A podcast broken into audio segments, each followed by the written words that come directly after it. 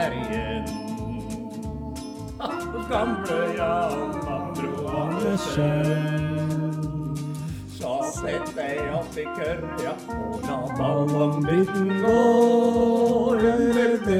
Bryvet her hos Mabro Andersen. Kjeften sløkke Nei, nå koser jeg meg fælt her. Jeg har eh, akkurat fortært en bedre akevitter og har fått innblikk her fra jeg, jeg, jeg, jeg løper kryss og tvers rundt her under brua, og jeg har storfint besøk. Det jeg har gleda meg til, altså hele denne jula her. Jeg har eh, besøk av Nei, jeg vet ikke. Men jeg ønsker hjertelig velkommen til uh, Snorky-ambassadør Bjørn Asgeirsson Tusen takk. og revyinstruktør Andreas Ramm. Tusen takk. Vær så god. Godt En da. drøm å være her, faktisk. Ja, er det ikke ålreit, da? Når vi spiste lutefisk og faen meg kost oss. Det er ikke så gærent nå, ikke? Nei, det er helt uh, supert. Da er vi i gang. Ja, Ta litt Pedregossa da, Andreas. Ja. Pedregossa. skal vi Jeg lurer på hva Pedregossa er, jeg. De har fått uh, noen nye stasjonsplasser på Vinmonopolet fordi av en eller annen grunn så driver folk og handler fælt med Pedregossa. Det skjønner jeg godt. Det er jo så godt, vet du. Nydelig. Hva er det for noe, egentlig? Det er uh, spanske gjesser som uh, Spanske sp Spanske gjesser. Det, det er uh, Hva er det? Ikke champagne, altså. det er jo Frankrike. Men det er de fra Chava? Fra Spania. Jo, nettopp. ja. Nettopp. Ja, ja. Mm, mm. Cava. Chava. Det må vi kose oss med. Åssen var lutefisken da, Bjørn? Nydelig. Litt dissen Eller jeg, jeg er ikke så vant. Dissen? Ja, altså, det, det er jo litt vanskelig å svelge, på en måte. Og? Det var Ja, men det, det er så klassisk å si sånn Jeg liker, jeg liker ikke lutefisk, men jeg liker tilbehøret. Skulle sett når Abba-mamma lagde lutefisk. Da skulle du holdt kjeft. Jeg er veldig redd for å fremstå basic på måten jeg snakker om lutefisk på. Jeg liker lutefisken, jeg hater det tilbehøret. Det er en veldig interessant take, da. Du er bedre aldri på begynnelsen, enn meg. Andreas? Nei, jeg smakte ikke på brunosten. Jeg trodde det var en slags uh, Prank? prank. At jeg skulle lure deg under brua med brunost? Nei. Knyte seg, da.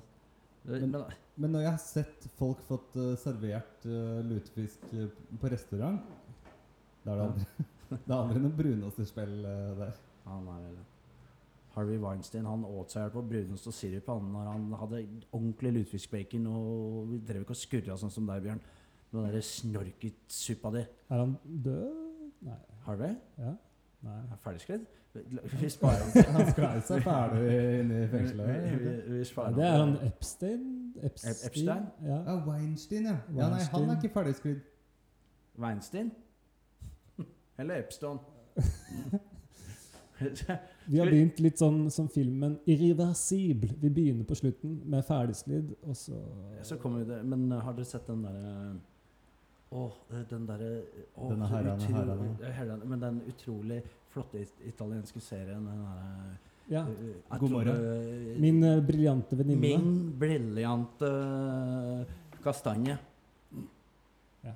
Hun også han Inni den byen der at det blir så jævlig fres inne på den pølsebutikken når det er Tomare og han faren der som driver og gnåler han Hva er heter han, Andreas? Ja, jeg, jeg husker ikke helt det. Nei? Du sa du hadde sett den, men Ja, det var, jeg, jeg har sett den. Løy du jeg ikke at det kom sett en prøve. Løy, bare for å få prate. Det var jo ganske- Ja. Ja, faktisk veldig uh, fin kameraføring. Skikkelig god. Men det var jo litt, det var litt kjedelig, da. Det, det var litt kjedelig. jeg synes det var det. Var. Og, og han der med brillene, han forfatter som driver og bader nede på stranda der. Og det, var, det var så, filminga og hele måten de gjorde hele den serien på, var så veldig Eva Munthe Kaas, altså. Det var liksom sandstrender og bading i drakter og Det var så flamboyant og flott, Andreas. Ja, Det var det. Du har ikke sett den, du? Du, Det er, det er helt åpenbart, tror jeg, for meg og alle lytterne at Andreas ikke har sett den. Jeg har ikke sett Atlantic Crossing eller Godfather. Har du sett Gudfaren? Den er Gudfaren? Det var det. Kutfaren? Film? Kutfaren. En Far til en veldig søt baby. The cute Kut. father. ku... Beklager det. Her. Men det- når jeg tenker på han eh, Hva heter han Cecina, eh, Ikke Cezinando, men han derre Big Shenanza. Han fra Gudfaren. Og han skal si Han viser de hvordan han skal lage pasta til en hel bøling. Der de er innelåst og som er lockdown på Gudfaren der. Er du med, Andreas? Ja, ja. Han, hva er det han Jeg er heter? med. Clemenza. Clemenza. Ja, han sier Mm. han skal vise han hvordan han koker. Ja, ja. Husker du den? ja. Du, er det du som er med på den reklamen på Posten? ja, det er meg. Jeg får så kjeft. Jeg får så vondt hver gang jeg ser den reklamen. Ja, nei, det, du er den første som kjenner meg igjen i den, fra den reklamen. Ja, Takk. jeg, så, hvor gammel er den reklamen? jeg vet ikke, men han, får, han er en sånn nisse som står og skriker på den Jeg syns ikke det er noe hyggelig. Nei, det er, det er er årets julereklame. Ja. Hva? Det er årets julereklame for Posten. Så det er ikke noe Det er en big deal. Det er det jo. Det, det er jo satsingsområdet, koster satsingområde, noe sånt satsingsområde for Posten. Når, eh, når Postverket eh, slår eh, stenger de sammen og skal hyre inn derfra Det, det koster kjetting? Ja, det, ja, det var Det var, det var helt greit betalt, vil jeg si. Altså. 100 løp? Nei, nei, nei. nei, nei, nei, nei, nei, nei. Ikke med McDonald's-reklame til flatmøkk. Det var 100 løk. Var Ja, det? ja 70-100. Skal vi prøve å bevege oss litt videre? Jeg har sk- jeg har skrevet litt den her. Det Ja. er dårlig tema. Posten-reklamen står der. her. 50 løk. Eh, du sier, Andreas, åpen av undring, forknytt av forventning. Mm. Nei, Med det så mener jeg at veldig mange knyter seg fordi de har for høye forventninger til ting i livet. Jeg merker det. Så det er noe jeg prøver å Et budskap jeg har prøvd å Og spre. jeg syns det er strålende. Takk. Det er veldig sånn at kroppsspråket henger jo sammen med eh, det mentale helsa. Tror jeg, da. Det er Det er noe med det. Ja. Hvis Men, det er kan, kan du gjenta uttrykket, bare sånn at jeg får det med meg? åpen av undring eller forknytt av forventning. Altså Det er en av de delene man er. Og man må nesten man må ta et aktivt valg og velge hvem skal jeg være i- ja, i livet. Fordi du sier det, det er én av to. Det er Ja, du kan ikke ja, ja. Ja, gjelder det bare i jula, eller er det Nei. generelt? Det gjelder jo Som alle sånne ting, så gjelder det jo alle aspekter av livet. Ja. Åpen av Ok, sett at du Hører kommer hit i kveld. Da. Du kommer hit i kveld, Bjørn. Noe sånn øresnork i det der? Men Bjørn, du kommer hit i kveld, og så driver verten og loker veldig med, med liksom teknikken, da. For For, å, for å avsløre det. Eller ta Ja. hypotetisk eksempel. Så da, hvis du har åpen undring, så gjør du litt sånn som du gjorde. At du setter deg ned og på en måte bare ha-ha-ha, dette er spennende, og dette var ikke det jeg liksom hadde forventa. Jeg undrer meg hvor, om vi kommer til å komme i land her eller ikke. Men hvis du er forknytta forventning, er du sånn Å nei, å nei, å nei. hvor, Men hvor havner du i det her? Jeg er mer forknytt enn deg.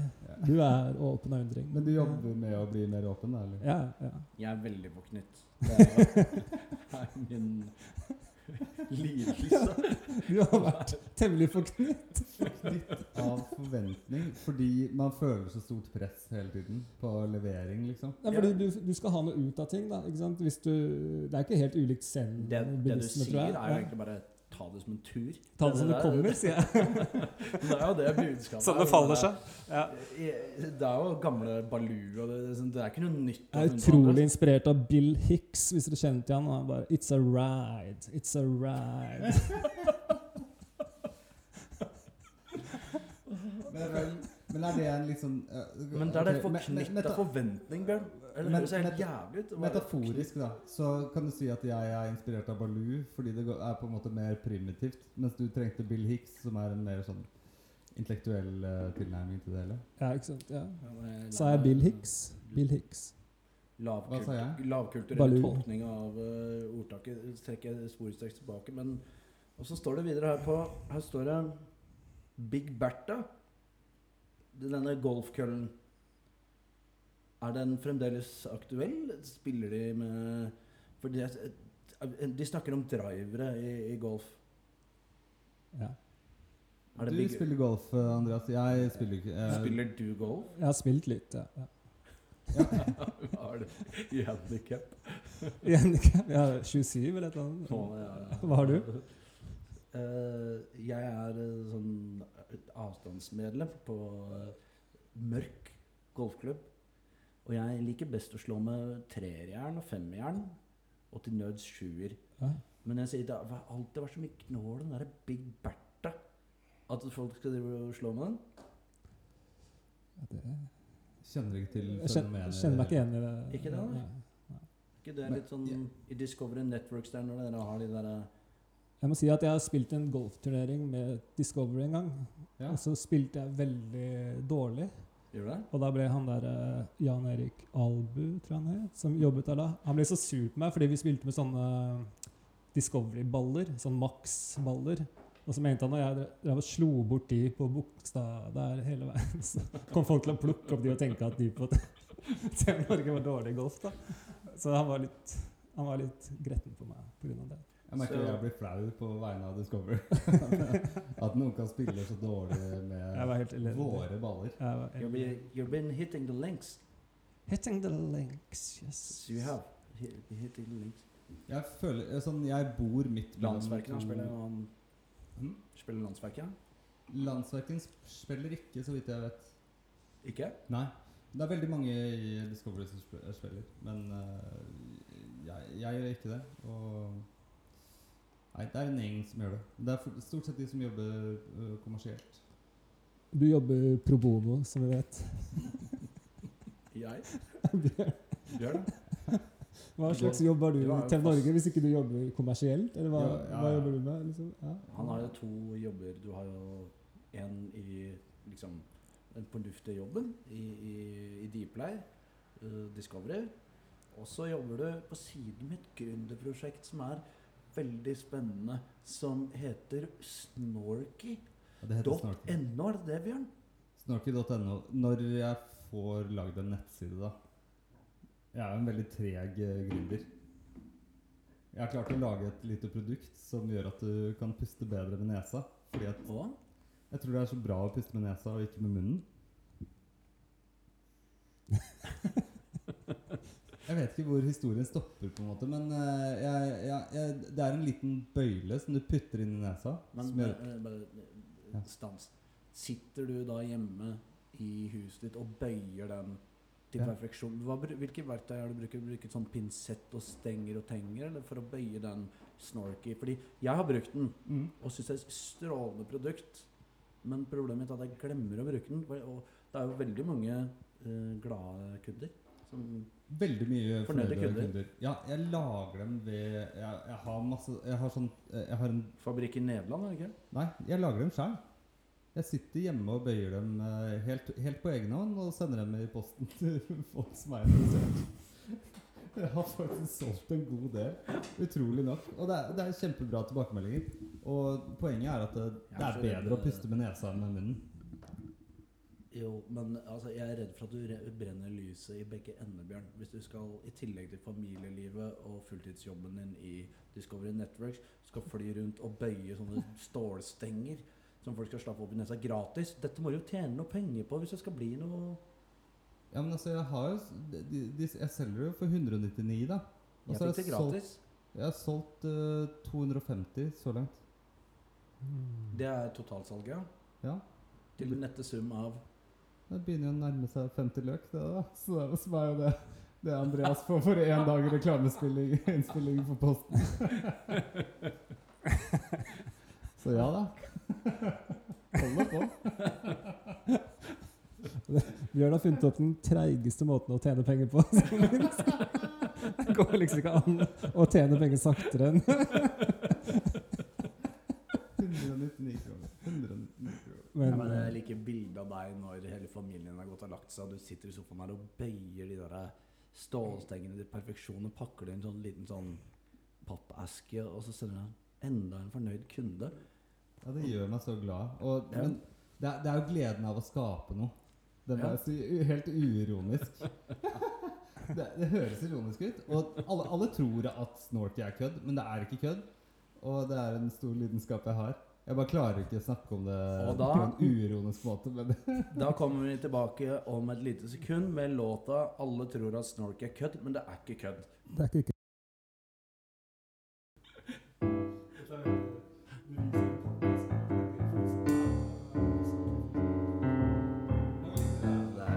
forferdelig businessidé å lage stålbiler til folk som snorker og ligger vang en av natta. Er det snarky, eller er det muffens? Jeg syns jo businessideen i seg selv er ganske god, men tjener du noe spenn på det? Er det snarky, eller er det muffins? Burde det være kødd. Er det eller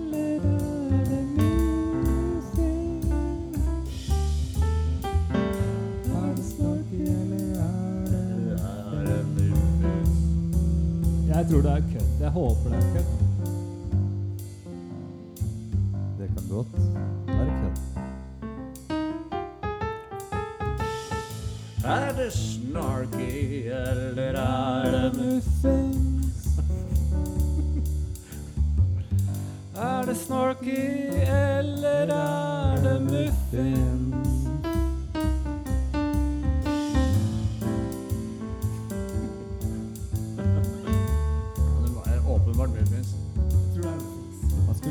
Det. Denne sangen har iallfall gitt meg svaret på det jeg lurte på. Om snorky er kødd. Ja, for det er jo tydeligvis muffin.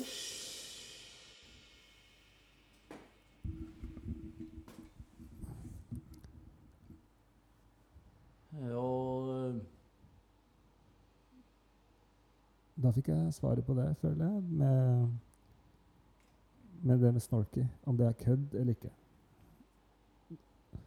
Ja, hva var konklusjonen? Jeg, jeg tror det er en ekte businessidé som lett kan misforstås som kødd. Jeg tenker at jeg går 100% full inn, og så hvis det feiler, så, så bare lener jeg meg på at det var ironisk. Det er i så fall en hilarious prank, hvis du klarer å liksom pull it off. Ja, og Ja, det- det, det, jeg pranker mest meg selv som har brukt så mye tid på det. Nei, det- Tenk på meg, da, som er en uendelig prank. Ja, men tenk å puste bedre, liksom. Alle får det bedre av å puste bedre. Det er, det er, det er, et lett salg. Ja. Du vet at du har konkurrenter. Men eh, det, tankene dras jo litt i sånn der eh, Holdt på å si å selge snø til en eskimo. Eller sånn at du, du selger på en måte pust. Noe, noe de fleste har fra før. Du tenkte det gode, det gode gamle ordtaket 'selge snø til en eskimo'? er ikke det et ordtak? Jo. Men, uh, ja, men jeg, Har jeg har troa på det produktet, egentlig. Det som er digg, er Eller for meg og en del andre som er sånn munnpustere Vi går og puster med munnen og våkner opp tørre i kjeften etter en natt og man drikker mye vann og tisser mye i løpet av natten og sånn. Det å begynne å puste med nesa er så digg. Hele kroppen slapper mer av hvis man prøver å puste med nesa. Pust med nesa nå. Det er deiligere enn å puste Ja, med men eh, Det er ikke så deilig å høre på, men det er veldig deilig å Men ok, nesa den tempererer, filtrerer og fukter luften du skal ha nedi lungene. I motsetning til Nei, jeg orker ikke høre Sier du det, Bjørn? Drit i det, vi går videre. Men er det Men Nei, eh, men bare du vet at du har så kan jeg, konkurrenter som har laget det samme som du har gjort i plast. Det er en svensk oppfinnelse som heter Nosovent, som er en slags sånn nese... Det fins flere, Bjørn. Ja, ja, og Breathe eh, br- Breathe Right. Breed without anxious, er det ikke det det heter? Nei, Men- det er en sånn neseplaster som du putter utenpå, men det funker ikke så bra. Ah, sånn røykeplaster. Ja, røykeplaster på den snassen. På Men- Det spiller litt på angsten til folk. Det er sånn at en eller annen fyr sier til deg på Instagram Forresten, du, du puster feil. Så er det veldig mange sånne nevrotikere som da bare Å nei, herregud. Herregud, han har rett. Jeg puster feil. Ja, ja, Det er sikkert derfor jeg ble skilt og At det liksom er sånn ja. Men, men jeg mener oppriktig Men altså ja, Kan ikke folk få puste i fred? hvis, hvis du går og puster i toppen av eh, Det er ingen som går og puster i toppen. I toppen av halsen. Når det, Ja. blir du stressa når det, når det er mye å gjøre? I dag når du måtte lage lutefisk til oss og innom polet og det Ja, jeg er stressa som et reint Ja, ja, jeg er Oppi hodet mitt så er det Prøv å puste med nesa hver gang du blir stressa. Det er ikke det de sier i yoga, yogafolka. Sier han krossen, Crossen, han som er sånn uh, yogimeister, han sier sånn Du skal slenge deg opp i et iskaldt badekar med isbetter i. Og kjøle deg ned, og skal opp, og så skal du puste og holde på sånn. De driver jo ikke og, og smekker i sånne ståltråder i Nei, men, men poenget deres er pust med nesa. Og så er Pust med magen er det jeg har blitt. Men ditt råd til Jan Marbro er Når du er Hva sa du? skikkelig Til Jan Marbro? tråd til Nei, de, Bjørn sitt råd til Jan Mabro er Å ja. du er stressa, du er på polet, du, er, du, er, du har nesten hjerteklapp. Det er én ting til du skal huske på. Du puster feil. Det er liksom din hjelp. Forresten også. Du, ikke nok med alt det som skjer, du puster også feil, så nå kan du bare vær så god være enda- litt mer stressa. I tillegg til å være en dårlig samfunnsborger og bo under en Det mest enkle du gjør, det, er liksom det Ja, eneste du egentlig burde forvente at du kunne klare, det gjør du også feil. blir stilt spørsmålstegn ved det rent eksistensielle sånn derre Du er her på polet, og du har driti deg helt ut med det derre suppelivet du lever. Men jeg skal bare minne deg på en ting. Du står der og puster feil. Du kan ikke puste engang. Det ser ut som en fisk, en gullfisk som sitter og gaper. Jeg blir flau, jeg. Altså. Jeg blir flau av å se meg sånn. Neida. Men eh, nei, altså, jeg, jeg skal puste, Bjørn. Og Men, men poenget er, eh, det er mange som går og puster med nesa naturlig, og de trenger jo ikke snorke. hvem er de, da? Er det sånn elitefolk, det, da? Kjell Magne Bondevik? Et hemmelig nettverk. Hva, hvem er de som er sånn De sitter i cocktailparty hos gjerne da Franklin Roosevelt, og så er de sånn Naturlig at de bare blæser med nesa. i Det er som en sånn opiumsbule du ser i sånn ja, gamle filmer, hvor de ligger og puster med nesa. Det kommer folk. Ja, det er det. Jeg, føler, jeg føler at jeg på en måte er en del av den bølgen for ti år siden som prøvde å selge sånn oksygen på, på flyplasser. Trenger jo ikke mer oksygen. Trenger bare å slappe av. Men er tenker du på Gardermoen der? Der kunne du stilt opp stand, vet du. Singapore. Singapore. Der selger de sånn tanker med oksygen, som du kan liksom sette på deg en maske og få mer oksygen inn. Så da er det sånn Nei, trenger ikke det. Trenger bare puste bedre. Og snart kan hjelpe deg å puste bedre. Jeg er solgt. Jeg- jeg- jeg- jeg er solgt, eh, Bjørn.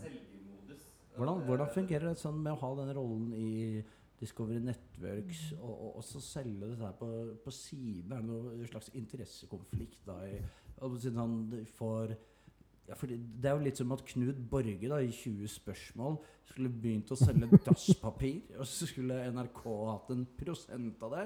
For uh, sitter landsverken der nede på seminaret, da. Og for, han sitter jo med den der bøyla og han tenker på bare pust. ikke sant? Han har slutta med sambuca òg, han ikke det? Han tjener vel penger på dette her? Nei, nei, men eh, han har fått noen nesebøller, eh, landsverken. Og han, eh, for han snorker veldig. Så han, eh, han bruker det. Og jeg, eh, han har fått noen i hvert fall. Jeg har ikke fått noen rapport tilbake. Nei, hvordan er det med sånn tilbakerapportering da i snorky.no, dere som bedrift? da, Får vel også mye tilbakemeldinger fra kunder som, som bruker produktet deres. Ja. Det skulle, skulle vel være mye mennesker som kanskje ikke fikk helt dreis for å bruke produktet riktig, at, de, at det var noen spørsmål, Bjørn? Ja, det, det er altså, det, store svakheten er at den kan falle ut i løpet av natten. Hvis du bruker den eller gjennom natten. Eh, og det er jo liksom helt fair. Så det jobber jeg med å utvikle. da. Eh, så jobber jeg med noen produkter så er det på, i, å lage en versjon i silikon som sitter- som er litt mer klebrig. I, eh, For det er dit jeg vil, nemlig at jeg syns jo det der ståltråden din ja, den er jo ikke sexy å putte inn i nesa. Du har ikke lyst til det. For meg så fremstår det litt som en eh, slags uh, uh, En sånn uh, det, det er ikke et ferdig produkt. Nei, Det er en det det prototype. Det, det er en prototyp. Ja, det er, det er ikke sant. 250 den Ja, og da skal jeg fortelle deg det at Ringnes de tilbakekalte nå nesten en million julebrus fordi de ikke hadde klart å produsere det riktig. Så skal ikke du sitte ditt, på ditt høye snorky-hest og, og selge snorker som ikke er ferdigutviklet. Er ikke enig, André? Altså? Nei, jeg syns faktisk i vitenskapens tjeneste, da, for å få det til å liksom gå fremover, så må man Ja. få lov å selge litt sånn Ja, ja. halvferdige produkter. Okay. Ja, så så jeg- eh, Hvis jeg skal dra det videre, altså sånn eh, Vi har en vaksine her som er grundig testet på Skal du sammenligne covid-19-vaksinen da, Snorky? Da? og Det er det jeg gjør. to medisinske produkter, ja. Men, eh, men ja, eh, Snorky enn så lenge er, det er en prototyp. Men, eh, men vi jobber med saken. Søker søke støtte hos Innovasjon Norge nå. For å Kan jeg stille et. Kan jeg stille et spørsmål? Hvis du hadde det programmet som var veldig bra, som het Skaperen, hvis dere husker det, som gikk på TV 2 Ja, men altså, Ja, men hvis- hvis det gikk- kopi av Shark Tank, det er ikke- det er ikke med han derre- Ja, ikke sant? Men hvis det var han derre gamle som bor oppi Der ingen skulle tro at ikke noen kunne pusse dritt. Han der med sixpensen. ja. Lager sånne vindmøller med vann og holder på. Eller han? Nei, det er mer sånn program hvor uh, Det er litt sånn som Idol for oppfinnelser. Husker du ikke det, Mabro? Det er liksom Det var- Ja, ja, ja. Men hallo, Maskorama? skaperen, skaperen, vinneren, vant Ja, også ok. Farmen. Ja, ja, ja. Ok. Så vi snakker om samme Men det jeg bare lurte på, Bjørn, hadde du meldt deg på i dag hvis det var Ja, det stemmer. De kommer med oppfinnelser. Ja, de kommer inn og spurte han fyren Har du prototyp på det. Ja. Har du liksom en forretnings... Altså Han var litt sånn kritisk. Men hadde du meldt deg på Rik sørlandspølse som satt i sånn Som hadde sånn dress. ja, Men hadde du meldt deg på nå? Hvis, hvis, du hadde, hvis det gikk nå? Altså, nei, jeg hadde ikke det. Fordi jeg syns det er så Jeg merker at med en gang jeg blir i sånn selger-pitch-modus, så syns jeg det er så flaut. Eh, så jeg hadde ikke likt å se meg selv på TV som sa sånn Men dette er kjempebra for så mange. Ja. Bra på pitch. Men du, du legger inn en sånn der slags filantropisk pitch på det. At mennesker skal bli lykkelige. At du er en slags sånn derre Mahatma Gandhi som redder det. Men hvis vi Andreas, Jeg mener at det løser et problem, da. Alle- Det mener jeg oppriktig. alle sitter jo med en slags oppfinnelse og tenker at dette blir det dreis på. Hvis jeg bare kunne solgt det. Ja. Og, og, og du, hvis du har din liksom, topp Som du skulle ønske at det sto Umbro på, da. Altså en oppfinnelse jeg har, Ja. som jeg ikke har realisert Ja, som du har troa på. Nei, jeg har faktisk ikke noe sånn på stående fot. Så jeg er veldig imponert av Bjørn som har en oppfinnelse. Det må jeg si. snakket med en, en venninne her forleden, og da jeg begynte å snakke om snorky, og at jeg faktisk selv gjør det, så sa hun sånn Å, jeg har også en oppfinnelse. Og det er det, det, er det beste. At noen Og hun hadde en oppfinnelse som, eh, som gjør at blomster står bedre i en vase. At selv om du har en stor vase å få blomster i, så får du den til å stå sånn pent opp. Mm. Jævlig bra. Ja. Men jeg, Da blir jeg, jeg glad. Det, det, det er skaperglede. Det er Jeg skaperglede, dere vet du. har kjent på det, det kreative. jeg har en idé til liksom et konsulentfirma som jeg har lyst til å sette i gang hvis jeg får ting på plass. Så det er på en måte overtidsarbeiderne. Det er Når du må jobbe overtid på jobb, så ringer du de, og så kommer de inn. Men de er i sånn overtidsmodus fra de kommer inn. De er sånn 'Å, herregud, jeg må ringe hjem.' Ja, 'Skal vi bestille noe pizza?' Eller ja, 'Vi sette på en ny kaffe her.' Og de er veldig sånn i overtidsmodus fra the get go. Men de tar over din overtidsjobbing, da. Uh, så da får firmaene ned overtiden sin, da. På den måten. Men hvilken, funksjon skal du være Nei, nei, du går hjem, mens overtidsarbeiderne kommer inn. De har krøllete skjorter, de har vært på jobb hele dag, liksom. Og de er veldig Like dyrt på firmaet, da. For firmaet er det dyrt, ja, men veldig dyrt. De starter på ny tariff. Dette. Det er skiftarbeid jeg har funnet opp opp nå. er jo en sånn Einar Gerhardsen-app, ikke sant? Hvor Ja. du, hvis du er litt sliten og sitter på en fredag og du er på en måte nesten på vei hjem fra jobb, så blir det sånn Fy faen, jeg kan jo ringe overtidsarbeiderne. Ja, ja, så kommer de, og så fikser de biffen. Og jeg har også en lignende idé på det med Fikser tarifflønn? De kan, de kan, må jo kunne det du tar over, da, men Kan de, kan de for eksempel eh, Word? Eller uh, uh, hva heter det andre der? da? de kan jo hele Office-pakka, vil jeg anta at de kan. Office approved? De er Office approved. Men bortsett fra det har ikke jeg noen spesielt gode ideer. Jeg har en god idé. Ja, fortell, da. En vannskimaskin. Ja.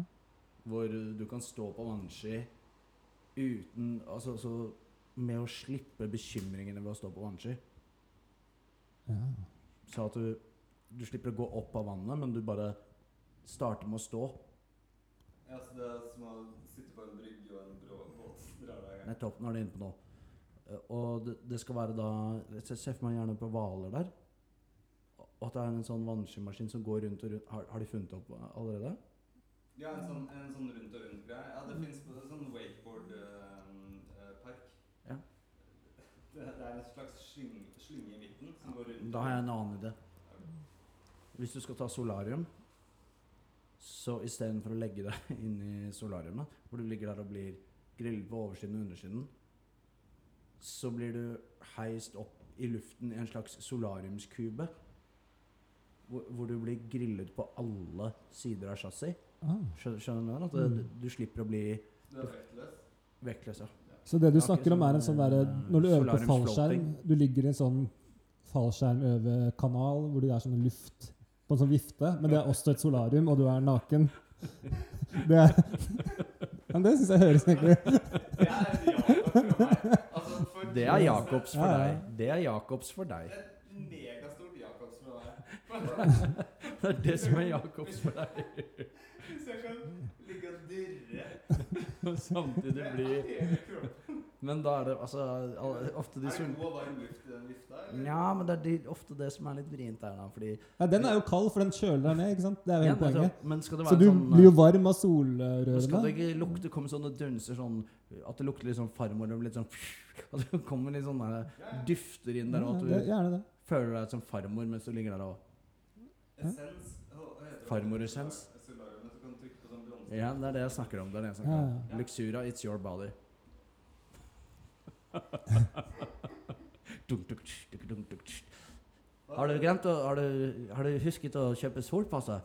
Med solpasser så får du 20 studenter til poeng både på Farmor-Emlet og remlet og dunk. Det det maker veldig sens fordi solariumsbransjen er veldig spilt på sida nå. Ja, hva driver de med nå? De har mista det helt. Det, det var jo verdens beste. Pengebutikk. Eh, og bare kjøpe et uh, hjørnelokale, starte solstudio Ja, det er ikke så enkelt som du tror, Bjørn. For det skal være Det, det er en veldig sånn eh, det, det, det er en infrastruktur på sånne sentre da, hvor de skal koble til vifter, og de må sørge for at Det er lettvegger og strøm. ikke bare lettvegger og strøm, men det skal være vifter, og folk skal ha det godt når de ligger der. Viftene er jo i solariumet. Ja, men det er ikke alltid at det fungerer som det skal.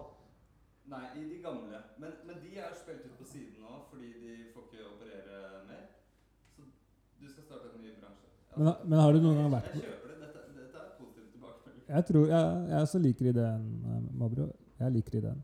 Jeg kjøper den. Hva med trådløse carvingski? Ja, ikke sant? Da, som går på ski for deg, da, mer eller mindre. Virtuelt, ja, sånn Nei Sende ski av gårde på sv- sv- svart løype, på en måte. Hva med sånn uh, halfpipe uten stress? Jeg syns en halfpipe uten sosialt press hadde vært bra. Hvor det var veldig mange som var veldig dårlige, som bare var leid inn til å kjøre oppå det hele tiden. Uten at han der jævla Daniel Frank Ja, ja, han er ikke der. og maser på at du skal opp. bare sånne idioter som ødelegger alt, og så er- kommer du etterpå. Det er den beste gründerideen jeg lover. En, half, half, en halfpipe uten Prestasjonspress. Men det er ofte så I Tryvann du kan kjøpe Ja. sånne der Ja, årskort. ing- Ingen som tør å kjøre i parken Vet du hva de står alltid vet- vet- tomme. Vet du hva de kaller det? Vinterparken, eller hva de kaller det. Ikke sant? Der kan du klatre. og Jeg syns det skulle hete Juleparken, jeg. Som det egentlig heter. Juleparken, som det het før. Juleparken i Tryvann. Og så står Det er veldig få som snakker om Terje Håkonsen, vet du. Men han står der og så, Men jeg har vært på nachspiel med han en gang. Også sammen med han kunsttyven. Strøken, strøken, strøken. Også med han uh, kunsttyven, vet du. Ja, han, ja. Ja, øh, ja. Eh, øh, Pål Enger. Paul Enger. Jeg har et bilde av Pål Enger i gangen. Jeg har et bilde av Pål enger.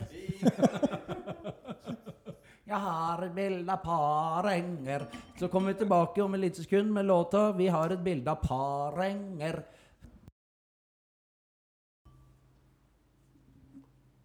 Jeg har et bilde av par enger. Men hva er det virkelig du trenger? Jeg har et bilde av barrenger. Men det er ingen som sier til meg hva jeg virkelig trenger. Barrenger. Uh, du har et bilde av Paul Enger? Ja, eh, eh, plutselig så, så hadde vi et eh, ikke så pent bilde, men det er rosa og mye sånn Det er mye greier på bildet. Men så står det ganske stor signatur P. Enger, og da tenker jeg ja, det vil jeg ha på veggen. Han prøvde å stjåle frakken til Tosso en gang. Jeg bodde i, i bunkersen i Industrigata. De var nede på nachspiel.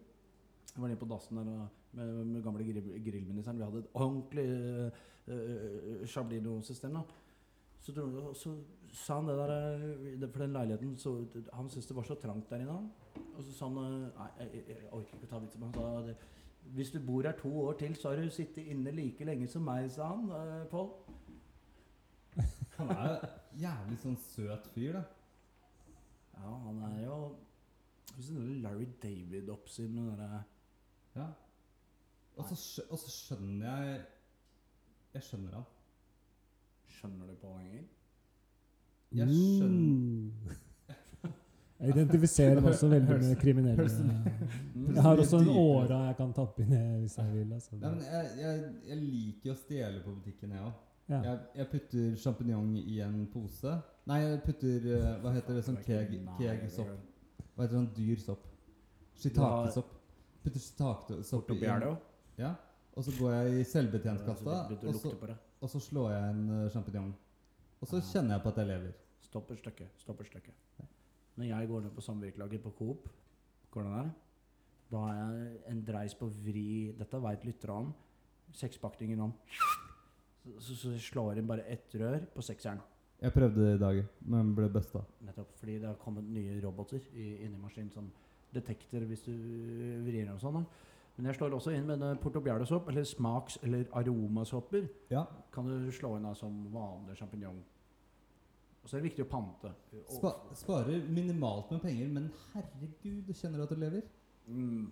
Jeg, har ikke, jeg, har ikke, jeg har ikke noe til overs for de der på samvirkelaget. Andreas? Nei, det jeg lurer på fra et sånt uh, forbrukerperspektiv, er Maten har jo ikke blitt noe billigere etter at man begynte å slå det inn i kassa selv. Forstå det, den som vil. Hva er greia, egentlig? Altså, Hvis jeg drar til doktoren og driver og skal diagnostisere meg sjøl, så skal jeg faen meg ha en rabatt! Altså, hallo! jeg vet ikke hvor godt eh, applaus gjør seg i en podkast, men dette fortjener en stor applaus. Du tenker at samvirkelaget har hatt en kostnadsbesparelse for å innføre den digitale ordningen? Ja, Men åpenbart. maten har ikke blitt noe Men hvorfor, billigere. hvorfor kommer Har det ikke det blitt noe også? billigere? det? De skryter jo veldig av at du får penger til gode, og, eller du er liksom med og eier. Trumf. Og, ja, alt mulig sånn, men jeg vil jo tro at de har tjent penger på det. Altså, nå gjør vi et stykke arbeid, og jeg, sånn, jeg leste jo et sånt eh, en artikkel da, om at liksom, nå må man bestille fly, flyreiser selv, og alt det der er liksom gjort opp til forbrukeren. Må fikse alt selv, da. Men det har ikke blitt noe billigere av den grunn. Flyreiser- flyreiser har- Flyreiser har jo blitt mye billigere. Jo da, men uh, du må liksom da, ja, hvis du skal bo et sted på et hotell, så må du liksom fikse det selv, booke det selv, bla, bla, bla. Altså, ikke sant? Du, Men det har ikke blitt noe billigere. Nei, det var det, liksom det, det var det jeg fikk ut av den artikkelen. At kanskje forbrukeren blir litt lurt da, av at vi står plutselig og jobber og gjør masse greier, men det er ikke noe avslag i prisen. på en måte. Du tenker på den uh, ferdigpulte forbruker. Den, Ferdigpulte forbruker. hva legger du i det? Hva, Altså eh, En forbruker som, som blir, blir snytt, da. For det, ja, ja, ja, exakt. Ja. Jeg bare, jeg bare prøver å passe litt på. Det er viktig at noen gjør. Hvor handler du nå? Jeg handler mye på Spar. Ja, ass. Verdens de er veldig gode sånne broilere. Broilere, hva er det? Kylling. Kyllinger som de har i den Ja, ja, ja. De har jo ferskvare. og- Remulade er det også. Men du bor jo på Nordstrand, går du ikke på Jacobs?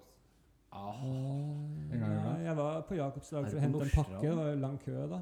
For det er, Mm. Men uh, jeg går på Jacobs en gang iblant. Ja. Det er ganske Hva kjøper du da? Nei, Jeg kjøper sånn kanskje fennikel salami på og, du, vet det man gjør der. Sånn der eh, Kanskje du vet noe om det her, Mabro? Du har jo litt eh, kjennskap til jeg har jobba på Jakes, jeg. Ja, ja, men det er noe med Du den vet der Du vet den fiskevokken? Den der ferdige fiskevokken ja, ja, der? du, et snes. Du Den er, den er ikke så eh, dum. Den er ikke så eh, dum. Kan jeg komme med en påstand? Kan jeg komme med en påstand? Det fins ikke bedre fiskesuppe enn den du får i den bøtta på, På Jake's? på menyen. Ja, men det er, den kommer jo sikkert fra På Jakes der, så det var jo en, en, en, en stor overgang. Jeg jobba jo på Jakes i gamle dager. Og så ble jo det tatt over av Norgesgraupen, Ja. som ble solgt. Og da var det et par uh, ting som sto i den avtalen som jeg har innsyn i, som var da blant annet De har et par arbeidere, altså medarbeidere, på Jakes. Som annet Harald i kassa, han er tryllekunstner. For både barna har, har sånn reinlav, sånn mosehår. Og så er det uh, Og så Rolf i Fisken. Rolf i Fisken!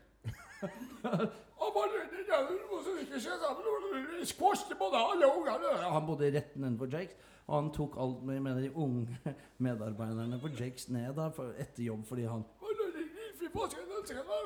Og så er det han, eh, Det er masse mennesker oppå Jake som er sånn ah, det, det, det er et enormt foretak altså, med, med dyktige mennesker som Jeg jobbet jo da på Melkekjøla og hadde ansvar for panteautomaten spesielt. Var det liksom ekstra, ekstra dyr det- melk med ekstra lav temperatur? Magnar! Handle-Magnar! Mag Magnar, sa han ene. Og så sa, litt, men jeg var jo veldig god medarbeider der. Og det jeg skal si til alle lyttere, hvis dere skulle være så velsignede å få en tur oppover Jakes der, så skal dere hilse da på Harald i kassen, Rolf i Fisken, og, og Thomas. Han, han, han sle, Ja, dere ser han der oppe. Respekterer du den nye Jacobsen på Nei. Er, vet du hva det er? Vet du hva det er? På Majorstua? Vet du hva det er? Kapitalisme? Nei, det, det er eh, Det er ikke, det er ikke, det Vet du hva det er? Det, det, det, det, det er fake. Det, er som eh, Vi får jo de samme varene, vel? Ja, men det fins bare én Jakes. Ja. Har du vært på Jakes, så skjønner du det. Jeg har faktisk altså, aldri vært på Jakes. Og så må du spise den der De har den der med krepsehale og biffsnadder, den uh, tapahitasen. Ho, den svinger, eh, Andreas. Ja, det er veldig bra butikk. Strålende. Godt utvalg. Har du vært inne hos uh, tante Sofie der? De har det der eh, kaffespiseri i Jeg har vært, jeg har vært inne på den uh, hvor de selger litt sånne glutenfrie produkter. og Veldig det. Du vet jo han som er butikksjef der, han heter Arild. Og Arild han er veldig Han er, eh, han er da fa, stefaren til Bo Mikael, som jeg kjenner veldig godt. Bo Mikael han jobber for uh, Lorentzen, som selger gode oster. vet du. Så han strøken ansatt. Han Går alltid i skjorte. Lorentzen, er det en sånn god gammel fra Nordstrand Neva? Nei, det er en sånn En Tror ikke kjede? jeg faller. Ja, hvor er den? Jeg vet ikke. Jo. Men uh, Jacobs er jo det, det er et Det er bra, en, en, en bra butikk. Har du vært på Kommer til å bli boende på Nordstrand for alltid, Andreas? Jeg tror kanskje ikke det, men får nyte det mens man kan. Hvor, hvor på Nordstrand er det du holder Jeg bor rett ved Skjell. Rett ved Skjell stasjon på Kastellet. Da tenker på Hydro Mexico? Ja, sikkert det den het før. Ja, der er jeg, jeg, jeg ble stansa der jeg, av uh, overfullmektigen. Så eh, ta fra eh, alle rettigheter. Rett til kasjotten. Vinterbro da! Vinterbro. Skål! Skål. Men hva sier rett ovenfor Skjellkastellet? Mm. Husker du han gamle som sto og bagerte der? da? Jeg, jeg flytta ut for tre år siden, så jeg har ikke noe sånn Har ikke de referansene. Men var det, var det sånn her Ønsker du deg tilbake til Nordstrand, uh, Mabro? Så det svinger etter oss. Ja. Men jeg Det er ikke råd, drømmen å komme tilbake dit. Bo i Mm. Solveien eller sånn. Det hadde vært noe gærent. Er det det? Jeg lurer. Ja, ja, ja, sorry. Altså Hvis jeg kunne tatt over det Ravi Godtsaus-huset til han derre En av de Sigrid Bonde Tusvik. Nei, Nei. ikke noe men, men de skal holde på det, det er jo deres hus, det, da. Ja, ja. Det er jo, faen, Du skal ikke ha det? Hva mener at jeg skal hive det Så ditt de kriterier for å kjøpe et hus er at ingen har, må ha bodd der fra før? Det må være sånn squatting. Men lengter du tilbake til på en måte solnedgangen fra Nordstrand? Altså, jeg har et sånt barndomsminne da, hvor jeg sklir ned i det som jeg da på den tiden kalte Ferrarien.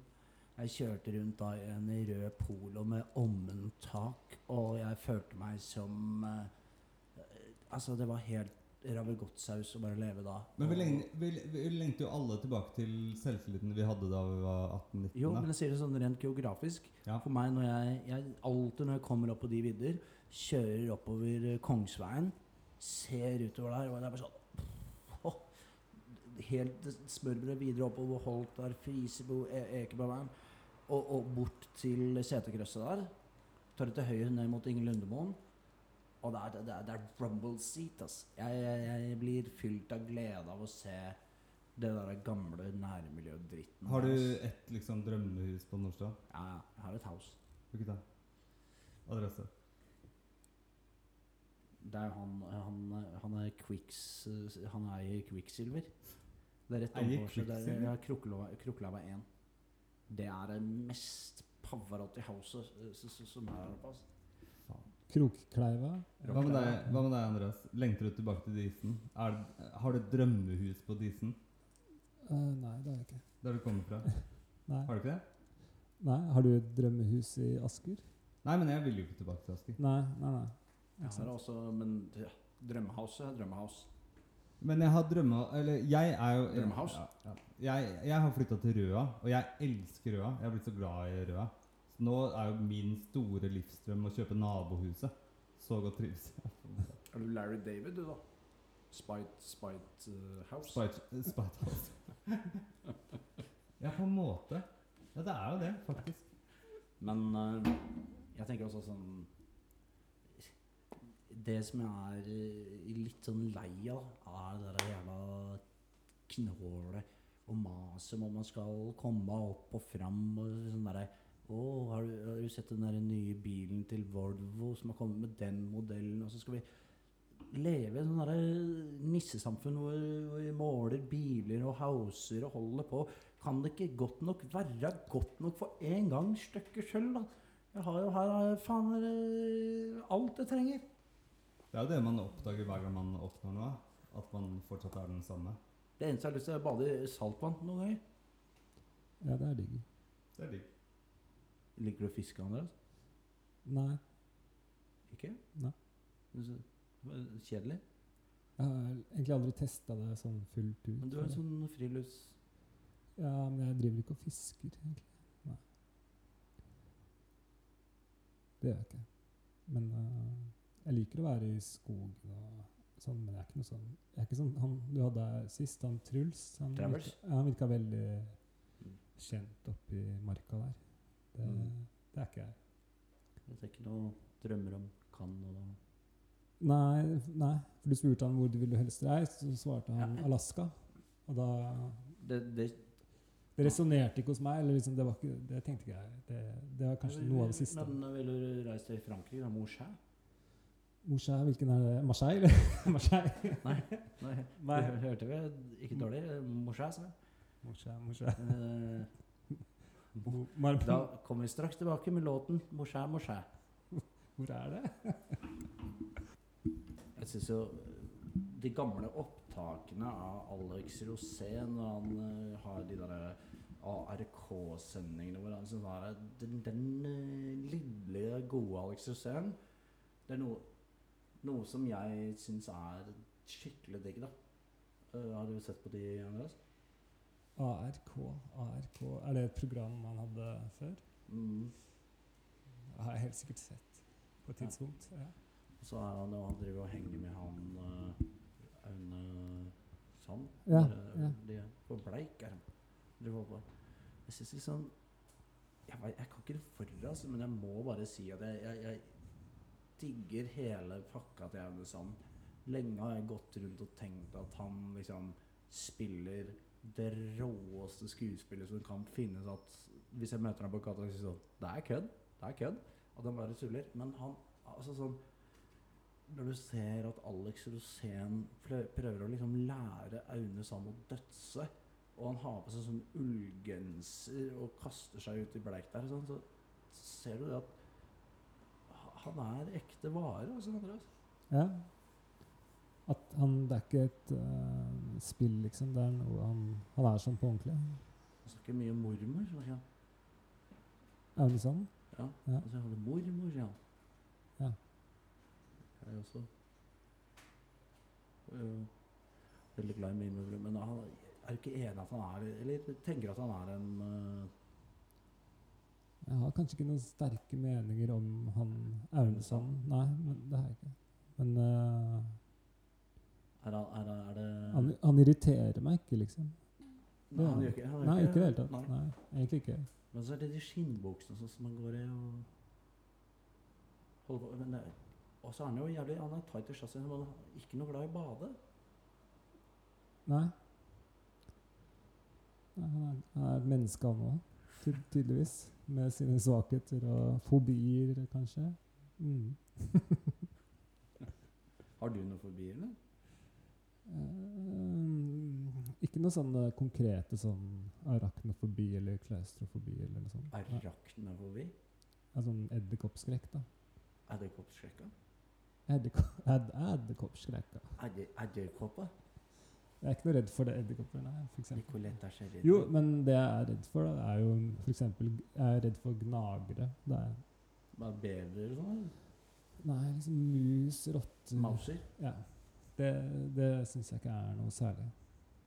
Men er ikke det Det, det, det er jo kjæledyr for folk og, og, med mauser og og, Ja. og hvorfor er det så stor forskjell mellom mauser og rotter? Nei, det er jo en slags på en måte rasisme. eh, Ja, På et hierarki. Mauseren har jo alltid vært liksom Det er vel fordi rotter er et mer sånn kjent skadedyr, sikkert. Så de har litt mer bagasje. og de, at de liksom ødelegger mer? Ja, nei, men uh, Er ikke rotter på en måte kjent for å være spredere av sykdom og Og spanske Spanske flue, tenker du spanske flue, f.eks., og andre farser? Andre farser. Spesielt i Jo, den eh, Det er andre farsord, men jeg vet ikke. Jeg, jeg syns jo Jeg har vært i i rottesammenheng, eh, og, men jeg syns liksom rottene er eh, Det er ekkelt. Ja, det er litt ekkelt. Det, det syns jeg er ekkelt. Men det er vel ikke sånn at du blir satt på prøve nå i hverdagslivet? At du liksom blir Nei, men jeg hadde liksom en episode på Zanzibar en gang. Den øya på østkysten av Afrika. Zanzibar? Ja, Zanzibar. Hvor jeg var i en sånn bungalow, og så hadde jeg mat inne i bungalowen, og så kom det en rotte på natta som satt fast inni myggnettingen med meg og kjæresten. da. Hvor jeg på en måte Traumatisk? Ja, det var et traume. Og jeg har hatt som en regel siden at jeg skal alltid bo et sted hvor det er aircondition, for da vet jeg at det er stengt. Liksom stengte luker. Aircondition er på en måte råtnes Ja, Hvis det er aircondition, så er det jo tett rom. Men i s- bungalowene der nede, så er det sånn at vinden, du skal kjøles ned ved at vinden blåser gjennom. ikke sant? Og da er det åpent. Så du må bare ikke ha mat i hytta. Men det visste ikke jeg. Det var ingen som sa til meg. Så jeg hadde noe maltesersjokolade Maltesers? som den rotta kom for å spise, og så plagde den livet av meg og kjæresten. da. Det er jo ikke noe hyggelig lusereise bryllupsreise der. Nei, det var liksom veldig lite hyggelig. Jeg dreit i stykker en rottingstol i Cannes en gang. Ok, På en festival eller i, på ferie? Mer? Det var helt sånn everyday. Jeg, jeg gikk ut for å ta meg en bagett der og satt meg ned i rottingstol. Vri inn i posen. Lagde et Nei, den tar vi senere, Andreas. Ja. Er du tilbake, Bjørn? Jeg føler Bjørn, du, du spiller en veldig viktig rolle. Selv- ha deg. Du, du spiller faktisk Det merka jeg nå. Du har en veldig viktig rolle her. Fordi Hva da? Kjemien stemmer ikke mellom dere? Jo, kjemien stemmer mellom oss, men det blir jo veldig ikke sant, det, var- det er, Men jeg satte jeg satt så utrolig pris på da jeg selv holdt kjeft i stad. Så jeg tenkte hold mer kjeft. Nei, Bjørn. Ikke hold kjeft. nei, du- For, for guds skyld. Utrolig kult at dere bygger meg opp sånn. ass, gutta. ja, ja. Takk. Nei, men jeg har ikke mista selvtilliten. Jeg bare ville høre på en litt sånn naken samtale med, mellom Mellom dere. uh, vår søster. Ja, Mm. men det fins, for å sitere Seinfeld, det er good naked og bad naked. liksom. Det er, det er ikke alltid nakent det er bra. Hva tenker du på Seinfeld? Jeg tenker på Seinfeld. Ja. Men når han har vært Jeg tenker på Seinfeld alltid som bra, jeg. Det er Litt rart Ja. at Ja, Seinfeld er alltid bra, men liksom den episoden hvor hun dama er misforstår jeg naken med vilje. jeg Ja. bare. Jeg, jeg, jeg, jeg, jeg, Jeg tror ikke du vet hvem Seinfeld er, fordi han er alltid solid, liksom.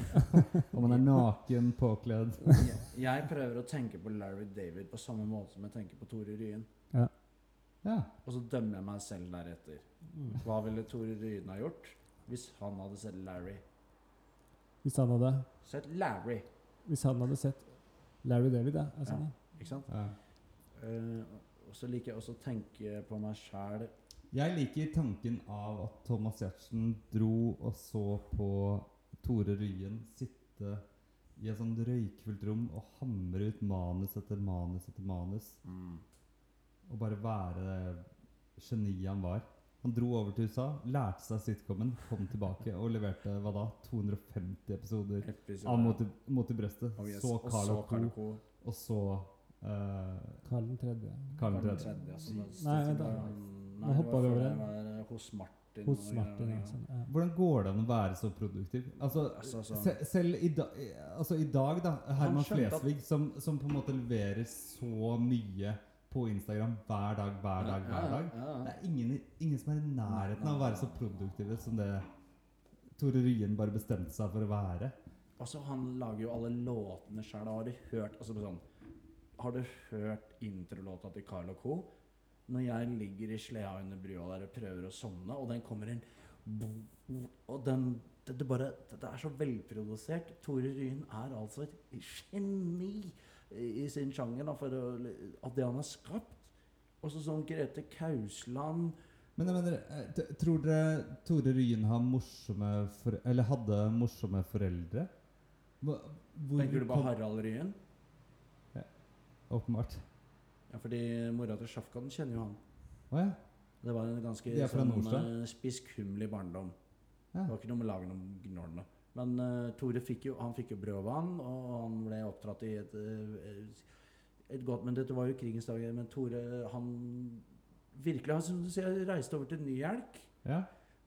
og så Han må jo bare ha et helt ambisi enormt ambisiøst eh, gen. Er du ikke enig, Og, men Jo. også ha et sånn jobbegen som er bare sånn helt 24-7, liksom.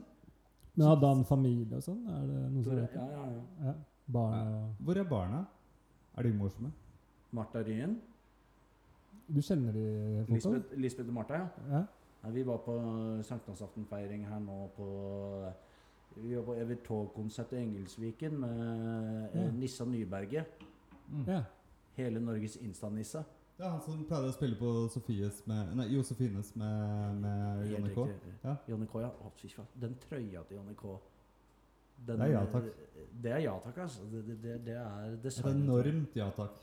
Helt riktig. Og, men eh, der nede på Når vi var i Engelsviken sånn, så satt det ei gammal eh, gammelt gjøn der, da. Som hun hadde vært på den eh, forestillingen til Nissa Nyberger. Da. Det var en sånn Evert Taube-forestilling. Hun hadde vært der tre år på rad. Så hun følte seg på en måte entitled til å være litt sånn hedersgjest da, på det der eh, evenementet. Så kommer Nissa, da. Ja. Og hun reiser seg opp da for å gi Nissa en klem og si sånn Nå er det tredje året at jeg er her. Sånn. Og så gadd ikke Nissa å gi henne en klem. Å, tror du det ble tumulter, eller? Var det, var det nå, eller pga. Ja, dette er et par år siden. Et par år siden. Hvorfor klemte han ikke? Nei, fordi han visste jo ikke hvem kjerringa var. Og, hadde bare vært der. Og, så Nissa dro i gang og holdt på. Men det er bare Nissa Nyberg òg. Han hadde holdt på borte i Thailand der.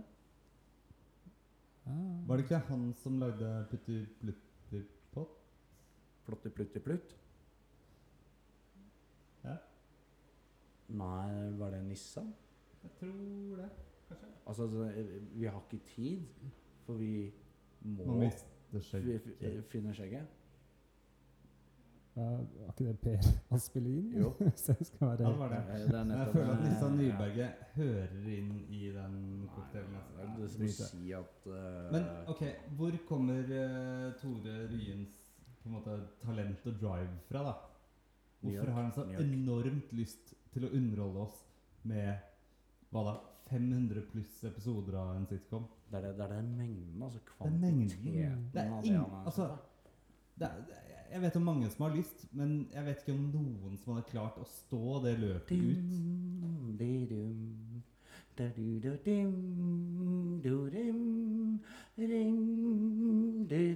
Ja.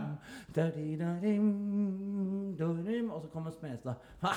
Og- man har en øl i kjøleskapet. Knut. Lystad Nei, det er Ulf. eh, i Karl og Co. Ja. Og nå sang vi på Nei, det var intromelodi, men altså så er det, De skal plage Carl hele tiden. Ingen som plager Karl. Ja, men altså, han, han jobber jo som eh, regnskapsfører eller noe. Og det er alltid så kommer Smestad di og plager han. Ja. Kunne ikke latt den være, liksom. Kan vi si at eh, Nils Fugt er 90-tallets Bjørn Stjerne? Bjørnson. Nei, Bjørn uh, Grøtstjerne og grøt. Han som er i Vikingene. Dagens Myrene? Myrene. Myrene. ja. Du tenker på Han, som- han som vi ler mest av i dag, det er Bjørn Myrene. Han som vi lo mest av på 90-tallet, det var uh, Finn Kalvik. Eller eh, Og du, du tenker på han derre Christer Sjøgren. Men det er veldig hypt å være sånn veldig sånn ja, Mot er veldig bra, bra, bra, bra nå, men det var jo, gikk jo veldig sporty òg. Og ikke lik, det var jo liksom samtidig som Bård og Harald og sånn. Det var jo man, lik, man likte jo ikke det, liksom. Altså, man, du- man vet du hva? Jeg, så jo ned på det, men nå er det sånn Ja, ja, faktisk, det er litt fett. Og Men, Det er- men jeg, drev, jeg drev og googla Det er ikke fett. Det er fremdeles Jo, jo, men det har liksom fått en liten renessanse, merker jeg. Ja, en det- Ironisk, eller jeg vet Ja, ikke helt. ja. Men Mener du det? jo, men liksom det har jo blitt litt sånn Folk snakker ja, mot brøstet. Var, var det så hva? dårlig? er jo veldig sånn sånn som vi snakker nå, da. Hvis man ser på norske streamingtall fra uke til uke, så er alltid eh, Mot i brøstet på topp tre. På, på sumo, da. Men er det ikke litt liksom hele greia med bare at det er Nils Fugt? Skal ikke han ha mye æren for det? Altså, sånn he, altså Hele ankelet i produksjonen til Tore Ryen, både med Carl Co. til i og alt det som er lagd der, er jo Men, Nils- men sett at noen hadde satt for seg det prosjektet i dag. Bare sånn OK, jeg skal lage Norges nye sitcom. Som vi, vi skal ha en ikke i dag. million seere.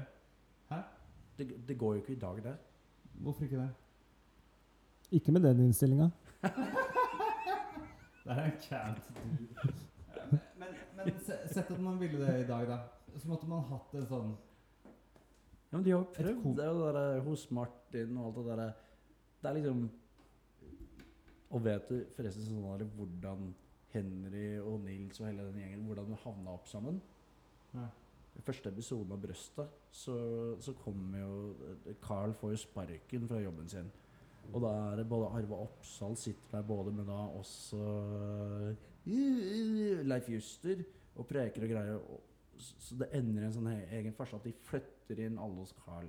Ja, Mm. og det, det, det vet jeg også at Tore Ryen har ment at i dag så har vi det for bra til å lage en komedie som man kunne lagd på slutten av 80-tallet, hvor det var en bankkrise. Folk var mye mer desperate, og derfor kunne man Ja. Sette sammen Mot i brøstet-gjengen fordi Ja. Men på en annen måte så kan man si sånn at Larry David og det han lagde med Seinfeld, det er liksom Det er uh, Ingerstranda, da. Og så er liksom Mot i brøstet er Nordstrand Bad. Val, Valstrand Bad, der jeg kommer fra. Valstrandbad er en ren kopi det, av det er det. Ingerstrand. Er det. Ja, altså, det er dritt. Om du spør meg om Mot i brøstet er dårligere enn Seinfeld, eller ja, er det, er det spørsmålet? Det står seg kanskje litt dårligere, men, men, det, men det er ingen som Kanskje kan litt dårligere på IMDb. Men det er ingen som kan tvile på, eh, på, på mengden. Og ikke minst, Kvantiteten, ja. hva var seertallene til Mot i brøstet? Det må ha nærmet seg en million. Vet du hvor mange som står på Åpen post? Det var sånn maks 400 000. Og til å være på NRK1 i beste send... Eller da var det bare NRK. Men i beste sendetid så var det ganske dårlig, liksom. Men det er Vi, jo føl vi følte at alle fikk med oss det, og kom på skolen dagen etter og dro interne Det var uh, watercooler conversation på ungdomsskolen var brøstet, liksom. Nei, men he hele Norge så Det var møkk på da. Andreas. Ja, jeg, jeg har ikke noe sånn Jeg, synes, uh, jeg, jeg husker at jeg syntes det var gøy når jeg, da jeg var liten, men uh, det er ikke noe sånn Jeg går ikke og leter det fram igjen nå Men i senere tid, da. Men, Men, for meg så har det jo blitt på en måte en slags sånn men du har jo alltid likt den uh, på en måte den, den, den humoren, den litt gamle humoren, på en måte. Er Du er jo en gammel sjel. Det, det jeg innser, da, som kanskje er uh, en fallitterklæring, at hvis jeg kunne velge å være Tor, altså Gunnstrøm med, Ja. hvis, hvis jeg kunne vært med i disse Tunes, så er det jo det jeg drømmer om, sånn rent humoristisk. da. Ja.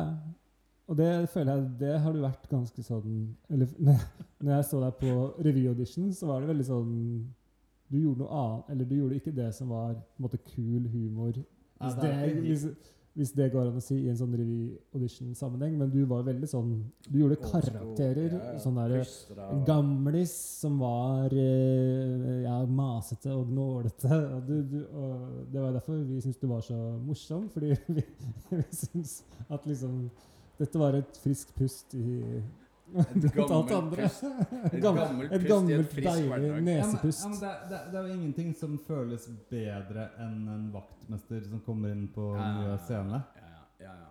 Og jeg driver Fordi på Njø scene står jo bare folk og på en måte mater antihumor eller ironi, og så kommer det faktisk den avbryterkarakteren som, som jo er oppriktig morsom. Og det bestemte du deg veldig tidlig for å være. Ja, ja.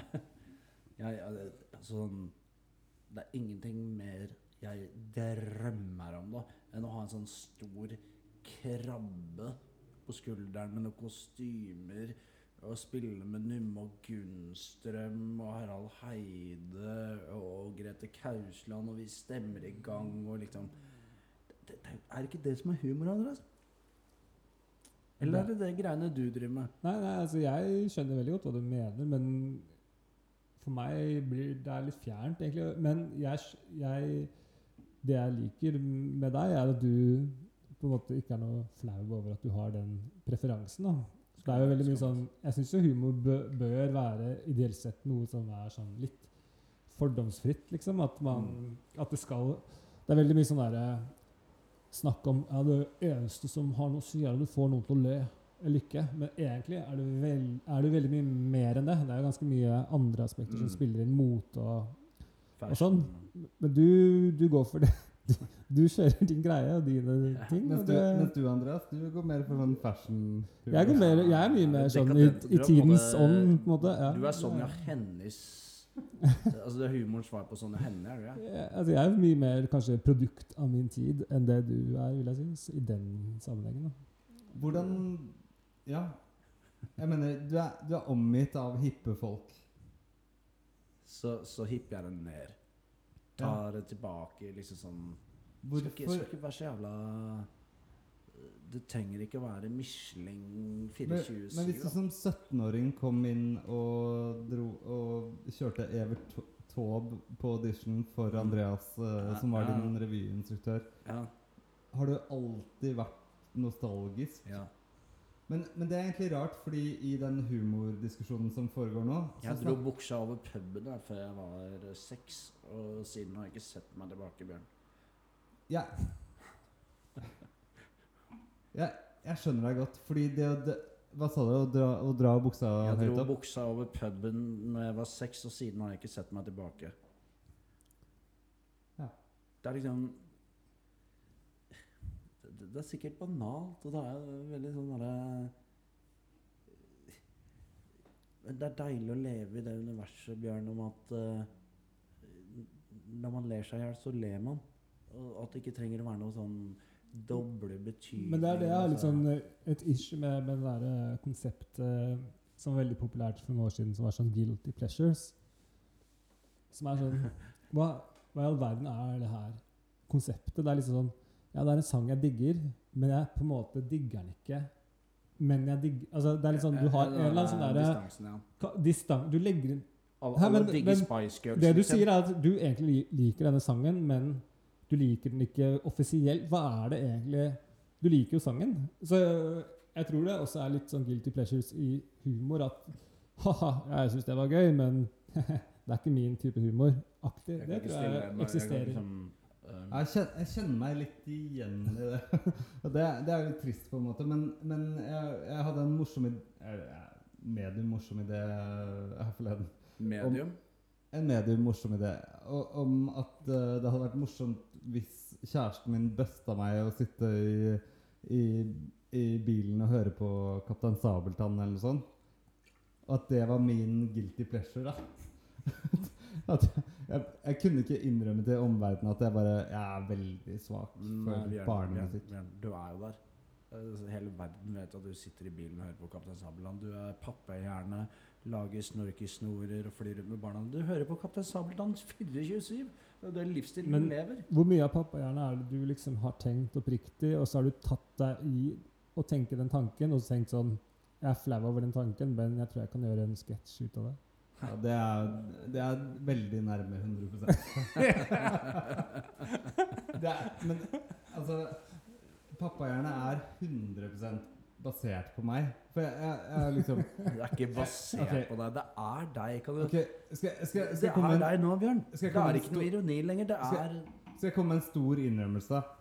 som influenser. Ja. Som influenser så kommer jeg med en stor innrømmelse nå. Hvis man er så narsissistisk ja, at man går rundt og, og på en måte analyserer hva man selv driver med, som man jo egentlig burde slutte med, men hvis man gjør det, Alle gjør det, da. Ja. så er det sånn at pappahjerne er så å si 100 meg selv, men bare den delen som er så basic at man har ikke lyst til å innrømme det. Men så er man den fyren, liksom. Man er jo den. Man er den fyren som sier sånn Ja, F- Sofie Elise har et godt poeng, men det er også Kristin Edelsvik. og jeg har virkelig lyst til å melde meg på i debatten og si sånn Ja, begge har dritgode poenger. Eh, Kristin Edelsvik er skikkelig bra, og Sofie Elise er også veldig bra. Så ja, det, det var det jeg hadde å si. stemme i debatten? Og så har man ikke noe mer å si, fordi man er bare en vanlig fyr, og man har en normal IQ, på en måte. Men hvorfor i svarte gampenisse-drittfittelandskapet skal du da, Bjørn, eh, blande deg opp i hva Kristine Gjelsvik driver med? Ja, nettopp. Og Jeg- Sofie jeg- Elias? Jeg, fordi jeg er oppegående, ville jo aldri sagt det. Men min mening er sånn Ja, begge har et poeng. Og pappahjernen er dum nok til å gå offentlig og si. Ja, begge har et Det er som en narkoman. Det er de der eh, Insta-likesene hele tiden som ligger og Durer i dopaminhjernen. Ja. absolutt. Herregud. Så sier vi det. Så kommer da sangen eh, eh, La oss Sofie- snakke litt om Andreas og hans uh, drave etterpå. Ja, altså, jeg må bare Sånn Det er så stor Pavarotti. Altså sånn fire hjulstrekk og vinterdekk. Det greiene du leverer på, på Instagram, Andreas. Eh, eh, Det er uh, Andreas er den beste på Instagram Han er det. i verden. Oi, oi, oi. Oi, oi, oi. Og så er det den uh, I verden. Det er det, det er det aller beste i verden. Alle, alle de der Ja, du har de derre Ja, alle de derre Now I'm being ne, nei, nei, nei, ne. Alle de dritbra komikerne. Now I'm being Ja, ja de, de er åtte av ti. Andreas er alltid ti av ti. Og så lagde han den Stå. Hva er ditt favorittklipp av uh, Ran? Eh, det var en eller annen ting jeg ikke kom på, men jeg kom på her forleden at Eller jeg så uh, at han er inspirert av dyr til å stå, Mm. og det er den beste Altså Alt, alt har vært ti av ti hele veien, og så uppa han det akkurat for et par uker siden. Ta med noe vino Ja, den er fin. Det er jo altså så Ta med noe vin er veldig hyggelige gutter. Dette er eh, veldig hyggelig å høre. Du tar det litt men det, men det er også tar det Ok, ok. ok jeg eh, set- Setter pris på det. men det er også basert på en basic Det er basert på en basic hverdag. Ja, ja, det er jo det. Det er jo det. Så det er ikke noe sånn eh, jeg, jeg, jeg, jeg føler ikke at jeg hever meg det, Dette er liksom helt re, reelle tanker jeg har tenkt. Ikke sant? Og så Litt som Bjørn, kanskje, at man tenker at disse tankene er så teite at uh, det er humor, liksom. At, ja. Men eh, så, så sier du det at eh, miming, altså sånn Ja. Mimingens svarte magi, åssen er det der Nei, ideen der er at nesten alle sånne kunstformer har jo en mørk underside. Men miming Har har jo, mangler jo ofte Mangler jo det, da. Ok, eh, ok, skal jeg prøve å forklare ideen? Det, det er veldig lite Vi må jo spille for av eh, sangen, altså. Men ja, altså, altså ideen der er rett og slett bare at du har uh, miming. miming som potensielt, hvis du har liksom svarte magiens versjon av miming, kan være ekstremt farlig, fordi det kan faktisk fjerne ting. Mens positiv miming skaper jo ting ut av ingenting. Ja. Mens negativ miming den tar jo ting ut av eksistensen, og det er livsfarlig. Det er rett og slett Når du- livsfarlig. når du flyr rundt og døtter på det der glassbordet med puben din og sånn, det er, altså, så det er mimingens svarte Det er miming, for da, da er akkurat som jeg sier til glassbordet, at du fins ikke. Jeg tar deg ut av vår eksistens, og det er livsfarlig. Og jeg håper ikke det kommer, Men den når- egenskapen ikke faller i feil hender. Ja, jeg, jeg er så, Når jeg du er hjemme med familien, så tenker jeg sånn der at At det kan gå over alle grenser. da At det begynner å sånn At det blir nightwalkers, da. Eller går ut og Til sånn slutt så kan du ta livet av noen. svarte Det er jo- magi, og så går du ut i skogen og bare forsvinner fordi Jeg, jeg er så glad for at Tore Ryen ikke hadde det ditt blikk. Fordi da hadde det fantes for mye bra humor i verden. Jeg, eh, jeg elsker jo Tore Ryen. Ja. Jeg, kunne jeg slikket jo skallen til uh, mitt første standup-show. Så slikket jeg skallen Ditt til første? Har du hatt mange? Har du hatt mange? Å ja. Det var jo Spesielt i Nederland har jeg stått med, men jeg slikket skal... eh, Nei, dette kan vi ikke ta. Jeg, jeg, slikket skallen til Joakim Skagge, og da sto jeg på bakgrunnen, og det var så og spent som en østers, og kom opp på scenen der, og jeg bomma. Altså, jeg, det rakna av hjelm. Du slikket skallen til han Joakim, han standup-komikeren? Skage. Ja, han i det unnskyld, Joakim. Men, men fordi du var nervøs, eller fordi du liksom var peppa? Hvor var det showet, da? Dette var på Josefines vertshus. Du burde sagt fra, eller jeg har aldri fått noe Facebook-invitasjon til det. Det ville jeg godt ha sett på. Det må jo være noen år siden. men Ja, det må være noen år siden. Andreas du har jo ikke villet nærgå meg. Når jeg møtte deg nede på Ortsjø der, og det var noen piler, så kom jeg bort og så sa det, det er bare meg, det er Mabro. Så og sa kan du vennligst ta det narkomane oppsynet ditt og pakke cellofanrasshølet ditt rett hjem til Vinterbro fordi du ville ikke ha så mye med kapers, sa du. Ja, jeg sa, jeg sa liksom noe Vi hadde liksom dobbeldate. Jeg var der Du var med Gnål, Jeg var med Gnål og dama hans og min egen som dame. driver Gnåls butikk, da. Og Ja. ja. nei, så følte jeg Vi hadde sånn barnefri og sånn. Og skulle slappe av og spille litt dart eller hva som var greia den tiden. Og så kommer du og er veldig Det er et eller annet du prøver å fortelle meg som jeg ikke får tak på. Mens jeg har liksom fire timer med barnefri, så følte jeg at da må jeg nesten være litt direkte og si at Mabro, dette, dette funker ikke akkurat nå.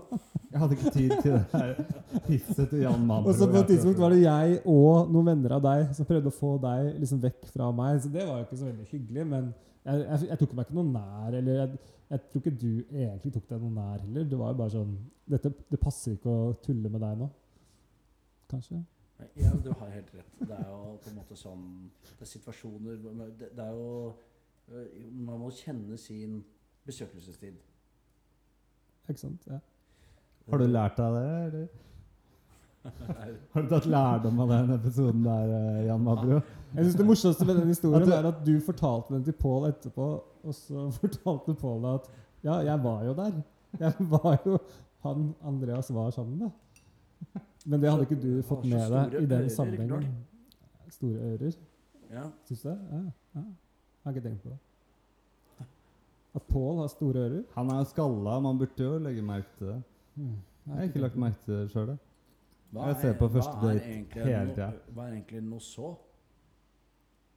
Nei, noe så er vel så. Det er fra et julekalender. Det er jo en fyr som er ute etter å drepe nisser i en eller annen form for Om jeg ikke husker helt feil. At han er ute til Hvorfor i all verden er han egentlig ute Nei, etter det, de nissene? Men. Og så er det jo good old gamle nok. Ligger eh, julekalender på Zuma, eller? Nei, det blitt fjerna pga. blackface. Er det blackface? Hæ, er det det? Ja, på hun der um, I står under misteltein.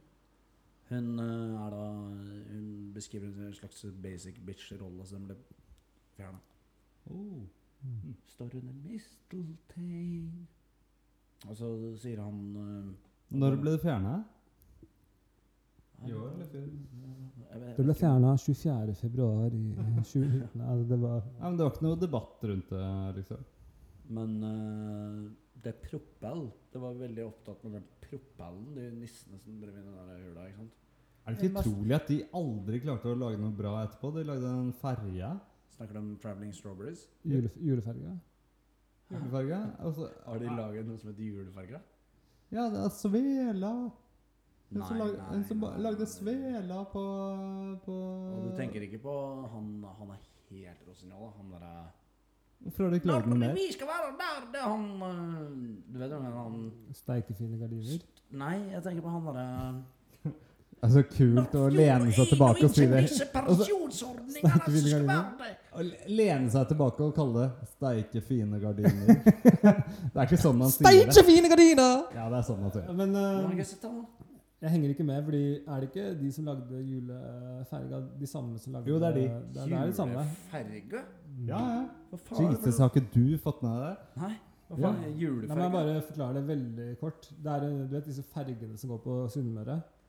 På en måte. Og selv svele. Det kom masse meksikanske folk Hoplikanere? Hæ? Fra Hoplico?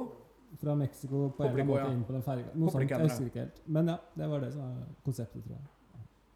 Nei, jeg har ikke sett han derre Han er sånn Han øh, Du vet hva han Kjell Biggs. Du skal da noe jævlig der øh, Det er fjordøyn og disse disse og der vafler og det Jeg skal ikke disse Han har jo ikke hørt han. Jeg har ikke blitt spilt inn to timer, liksom. Nei, det er bra, da. Jeg må på do. Ja, da trykker vi på pause. Og du ønsker deg nytt vaffeljern? Muffins jeg- jeg- Nei, du skal ikke lage muffins nå i desember. Det må jo være slutt på. Jo, jeg har stavmikser. Jo, den kan du få låne. En kjøkken... Jo, kjevle. Jeg har kjevle. Jeg har kjevle. Saks, ja. ja. Og kni kniv har jeg. Men har du en airfryer med bølgelasagnesnitt. Velkommen til spalten. Hvilket kjøkkenredskap kan dra til nissehelvete? Uh, jeg Et godt gammelt uh, En god gammel ting som ligger i skuffen hos alle, Rasp. og som e man egentlig ikke har så mye bruk for, det er gode gamle slikkepotten. Trenger den ikke? Å, jo, jo, jo, jo. Nei, man trenger den ikke. Uansett hva du har røra oppi bolla di, så du trenger ikke slikkepotten til å dra det ut. Trenger det ikke, men det er jo chill å ha det.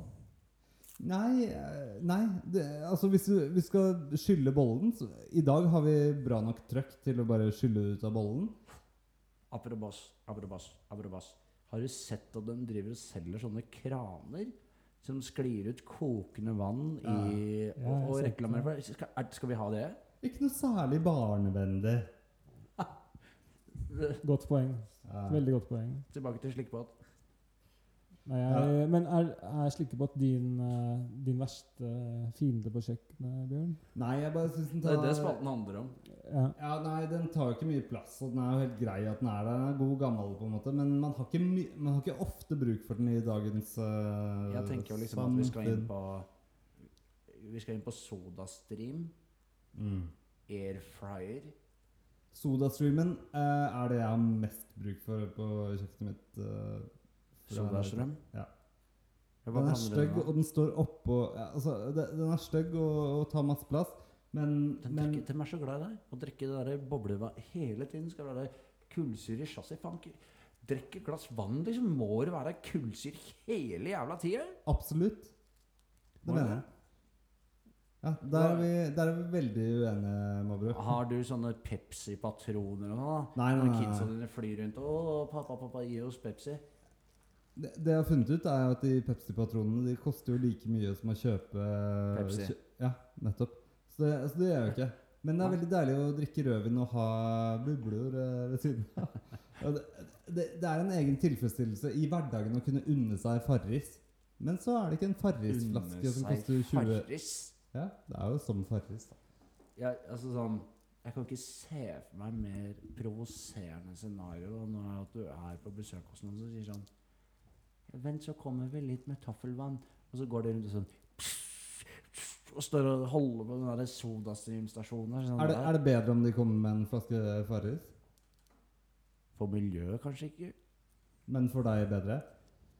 Jeg er enig at jeg er litt sånn Jeg skjønner hva du mener med å servere det til gjester, men sånn i privat bruk så er jeg veldig for sodastream. Men jeg syns det er litt sånn billig utvei å si sånn Hei, dette er taffelvann til gjester, da. Sette det på den kontoen. Men uh, jeg har også en ting jeg har lyst til å ta opp. Da. Kjøkken Mitt uh, kjøkkenredskap jeg føler ikke egentlig trengs, er uh, salatskylleren, eller hva det heter. Salat. ja, Ja, ja, salatslynga. Salatslingeren, da. Dette har mye med plass, eh, plass å gjøre. Ja, den bruker man jo aldri. Og så er det veldig mye salat som ikke trengs å skylles. Og så liksom Er det ikke det som er litt med dagens salat, at den ikke skal skylles? Ja, det er noe med det. Det, det er min uh, Og den tar veldig mye plass, og det er flere deler, og de delene kan bli borte. Det er liksom Har du noen gang, Andreas, du, du skal ha et cocktailparty, da. Si at uh, det kommer gjester og sånn. Og så står du da, og du skal lage deg selvfølgelig sæsarsalat. mm. Står Du har dratt opp slynga, og så sveiver du den rundt, så salaten liksom får Brøsja seg. seg og slynga seg sånn, og tenkte at Var det jaggu godt at uh, Jeg har jo tidvis tenkt det, men så vidt jeg forsto oppgaven, var det ting du har på kjøkkenet som du egentlig ikke føler at du trenger, og da kommer den veldig høyt. Så skal vi inn på sous vide. Oi. Ja, men det spørs jo om man havnet på så vidt eh, kjøret, da. Det er så altså, sånne der venner som er sånn der Å, vi var i Nordmarka her for en uke siden. Jeg hadde så vidt av noe. Og så kommer de med de derre uh, ulcerøs kolitt-posene fra sykehuset med sånn ferdigsklidd kjøtt og sier sånn Se på meg. Jeg er Ingvar Ambjørnsen. Eh, Nå skal jeg bare steke den litt svisj, svisj på én side, så Skal vi leve i et sånt uh, Kan jeg fortelle en apropos? Aberoboss? Uh, Frepla, min venn og verdens morsomste type. Kjenner du til han? Hva kaller du? Eh, Fredrik eh, Kvale.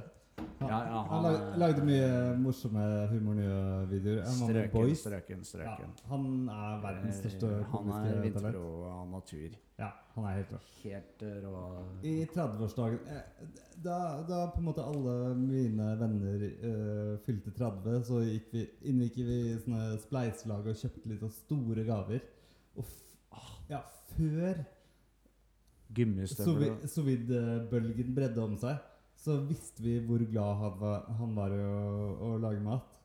Og så, og så her forleden så, så, så så jeg på en video fra, fra 30-årsdagen hans, hvor vi satt 20 gutter og heide på gaven han satt, han satt og åpna i midten. Hva var det for noe? Sos vide, sos vide, sos vide. Sos vi dau. sos vi dau. Jeg har ikke brukt den siden. Nei, altså sånn der, Det er jo veldig sånn der Hellstrøm-pølsete å komme i sånne trange jeans med posen hengende. Sånn der, og legge det i en plastikkpose. At den skal ligge der og koke i 35 eller 38 grader. Og så skal det bli sånn Jævla digg å lage fisk i sos det, altså. Det er det. Da kan du hilse Sosten Krog fra meg og be henne dra til vinterbrås. Men hva er ditt uh, kjøkkenredskap som du vil kutte deg med? Kan være forunt. for rundt. Det er sos da. Jeg, jeg har ønska meg til å gjøre noe trykkoker. Ja. For da kan du putte sånn indisk uh, all, all, Du kan slappe alt inn i den kokedritten og la det stå Og det koker og holder på. Det blir mørt og bra. mørt og deilig. Og ribber og møkk. Altså, og, Men du driver og øh, sånn vakuumpakke det òg, eller? Sånn som i sos Sjos vidinne Jeg skal ikke ha sjos vidin... Eller sjos Hva heter det? Sjosvidd? Sjos vid? Så vidt. Så vidt det? Ja. Men uh, jo, jeg skal si nå uh, Et kjøkkenredskap jeg ikke trenger, er Mokkamaster. Og så er det sånn derre espressomaskin. Uh, og så er det airfryer, hvor du kan hive inn en hel kyllingjævel og pommes frites i ei skuff. Og så skal det liksom bli Man kan jo like gjerne sette det på varmluft. Jo, men Det blir ikke noe bedre. Jo, men Karnan sier at det er som ei konveksjonsovn, skal det visstnok være dette airfryer. Men det er det der dummeste nissedritten jeg har vært borti. Ja, men det, det er det. Det var på tilbud på Klaseren her forleden. Så plutselig så hadde alle rundt meg en sånn air fryer. Og så, og så kom de og bare Ja, nå Frying in the air. Ja, det, det, er, det er ikke noe stas. Det er, du kan like gjerne putte pommes i ovnen. Tenker du på pommes noisette? Nei, nå tenker jeg på vanlig poms, eh, som folk på en måte sier sånn Her, her kommer den, den har vært i airfryeren. Og så er jo en airfryer bare en dårlig varmluftsovn fra Klasa. Jeg vil si at Du spurte meg Andreas, hva som liksom er eh, et kjøkkenredskap som du absolutt ikke trenger. Jesus, snakker vi forbi hverandre? Jeg, jeg understreker poenget ditt. Airfryer? Ja, det er dritt. Det er Møkk, ja. Det er dritt. Man har jo en varmluftsovn. Det er det airfryeren det er gjør. ikke Altså, det, det er der de har på en måte kommet på markedet, da, disse som lager airfryers. Fordi at ovnene til Ikea og dem som lager, de klarer ikke å gjøre den konveksjonen som skal være i disse ovnene, som det er ofte her med konveksjonsovner. Det er samme greiene. Altså, Hva, hva, er en konvers hva er en konveksjonsovn? eller hva? Konveksjonsovn? Mm. Eh, Da har du rekreasjonal Jeg har eh, jobbet i cateringbedrift før jeg ble Du vet. Um, og det, det er noe med at sirkulasjonen i luften går så fort at det blir sprøtt uten Men kom ikke og si til meg altså, at du kan fritere verken kylling, fisk eller poteter i ei sånn maskin og får det like barmsindig og sprøtt som om du skulle hatt det i olje og, og steika det ordentlig. da. Det er jo faen meg bingo. Helt enig. Så det er salatslynger på meg, og så er det airfryer på deg, og så er det du hadde, Bjørn, du hadde slikkepott. Ja. Og da var det de beste. De beste Jo, jo, det var det. Skal jeg starte? Jeg kan Ja. ikke det. Jeg vil uh, slå et slag for uh, eggkokeren. Mm.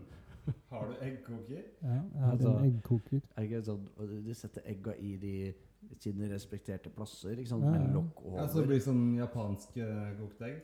Jo. Japansk kokt? Det blir jo kokt. Smi, smilende tromme plomme kalles det ofte. Ja, det blir, du kan velge litt selv, avhengig av hvor mye vann du Ja, men alle vil ha smilende plomme. Ingen vil ha tørt, ingen vil ha vått. Du vil Jeg ha trodde det du tenkte på den gamle indianske lederen Smilende Tromme. Nettopp. Men som- jeg, jeg, jeg syns eggkoker er faktisk virker litt unødvendig, men det er veldig bra å ha. Det tar jævlig mye plass på benken din. Lager du det hver dag? Jeg har det ikke stående på benken. da. Det Hvor ofte lager du kokt egg? Kanskje to ganger i uka. Og, og Men, hvordan eh, koker du egget da? Koker det smilende plomme. Smilende plomme. ja. Men det, det kan du jo gjøre veldig enkelt ved å bare ko koke egget i syv minutter. Du setter på Ja. nedtelling syv minutter. Når det er ferdig da, så setter du på kaldt vann.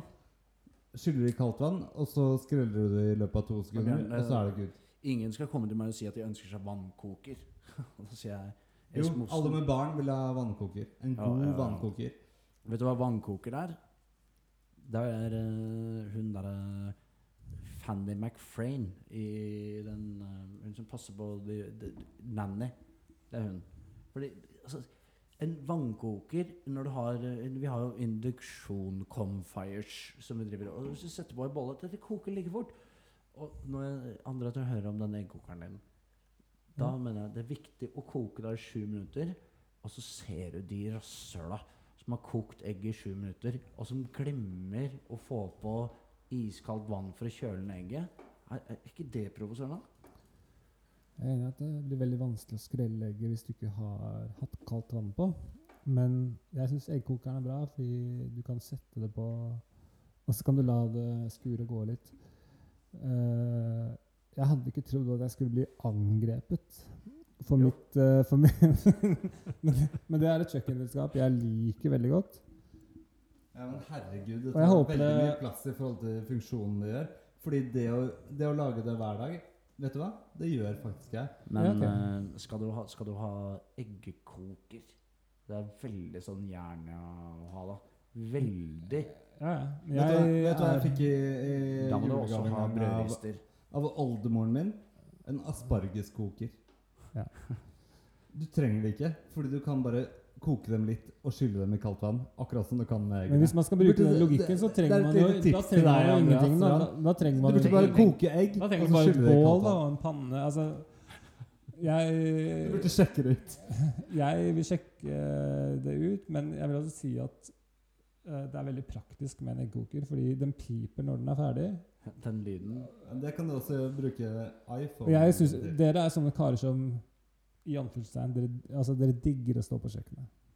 Det, det, kan jeg, det vet jeg om begge dere to. Bjørn, du er sånn matglad, og det er du òg, Marbro. Og, ja, men dere gjør det. Dere, er sånn, dere setter på litt musikk ser for meg sånn der, litt sånn upbeat musikk. Og kutte grønnsaker og er, litt på gang. Jeg er ikke der i det hele tatt. Jeg syns det er et veldig stress å lage mat. Jeg er, ikke så veldig glad i det. Men så, når du, så når du lager kokt egg til middag fordi, fordi vi snakker om middag her. en rett jeg lager mye, er kokt egg og nudler, f.eks. En slags uh, Wow. En slags uh, ramen, da, hvis du legger godvilja til. Det er vanskelig å ikke bli men- misunnelig på, barna, på barnet ditt. Men de er ikke så glad i maten min. De er ikke så glad i det. Han Men er når du sier du snakker om ramen jeg, jeg bare ser for en sånn Jeg, jeg dummeste oppsiden jeg kan se for meg. Det er deg på kjøkkenet med sånn eggkoker som står og venter på at alarmen skal gå, for du skal lage ramen. Men det var mitt bidrag, og takk for uh, Bedrit, forståelsen. bidrag, bidrag, ja. Men jeg, men jeg er veldig interessert i å høre hva dere mener er Jo, liksom, jo, go gode redskaper. Og Jo. hva jo. mener du? Uh, ei skarp kniv. Herregud. Nei, men herregud, det er det Det er nesten som å si komfyr. på en måte. Altså, det er litt sånn vask. Opp, oppvaskmaskin. Altså, En god panne. Ja, det, jeg visste ikke at det var der. Stekepanne nå, syns jeg er fint. Ja, det hadde. Men du må jo si noe som er på en måte Som er, kan kastes, men er Eh, eh, jeg vil eh, trekke min slikkepott og si hvitløkspresse, fordi det er det mest udugelige drittoppfinnelsen. Hvitløkspresse? Ja, ja. Funker gjerne til. Jo, men tingen Kaste bort hele hvitløken. ja. Kan være veldig godt hvis du veit åssen å rengjøre den. Fordi dilemmaet er uh, Det er sånn juspresse. Det er bare sånn Ja, det, det kan være godt med juice en gang iblant. iblant. Det, det kan vi alle være enige om. Det kan være godt med Men det er et helvete å rense den etterpå. Og så er det bare sånn Ja, men hvorfor ikke bare lage juice på vanlig måte? Hvorfor ikke, hvorfor ikke bare mose hvitløk på en vanlig gir, måte? Men eh, Du gir liksom juspressa en slags hamburgertilbakemelding. Først Ja. noe positivt, så noe Men, eh, negativt, og så noe positivt igjen. Sånn. Det er veldig godt med juice iblant, men man kan jo også gjøre det på andre måter. Så jeg, Men det er veldig bra, Da altså. kommer Andreas med mitt uh, beste kjøkkenredskap, som jeg mener at det burde være i alle husholdninger, som sprer glede Mm. og skaper veldig sånn Mitt beste kjøkkenredskap en ja, raclette. knivsliper. Raclette-hjerne. Raclette. Knivsliper. Ridder. Ja, jeg, jeg sa det for tull fordi det er så basic å si. på en måte Jeg snakket med en fyr på Jernia når jeg var der og kjøpte noen kniver. Dette er en sånn historie. Nice. Og så sa jeg, så, For jeg hadde kjøpt meg en litt sånn dyr kniv, da, for jeg skjønte at det er liksom noe man skal. Og så, Jopan, Jopan, Jopan. og så sa jeg sånn Trenger jeg knivsliper? Og da sa han fyren på Jernia sa han til meg Vet du hva, vi kan faktisk slipe knivene dine her, hvis du vil. Og da tenkte jeg ja, det er jo helt genialt. Det Så bra. Hæ? Det er dyrt med sånn knivslipping. Jo, jo, men liksom Men du Men hva var du Raklettjern? Da, da steker vi ost på, en sånne, på et varmt jern. og har så- eh, brødrister, raklettjern, og så kommer nummer én. Brødristere, du det er så andre? Nei, dette er jo mine toppredskaper. Å, topp. Uh, ja, ok. Må du henge med i spalten her. Um, nei, for jeg, det å, å riste brød, da. Mm. Med Det er vanskelig å gjøre i ovnen. Bra. Det tar lang tid. Jo, men uh, det er deilig å bare også Stjeler jeg poenget ditt. skli de brødskivene ned i Brødristeren. Ja.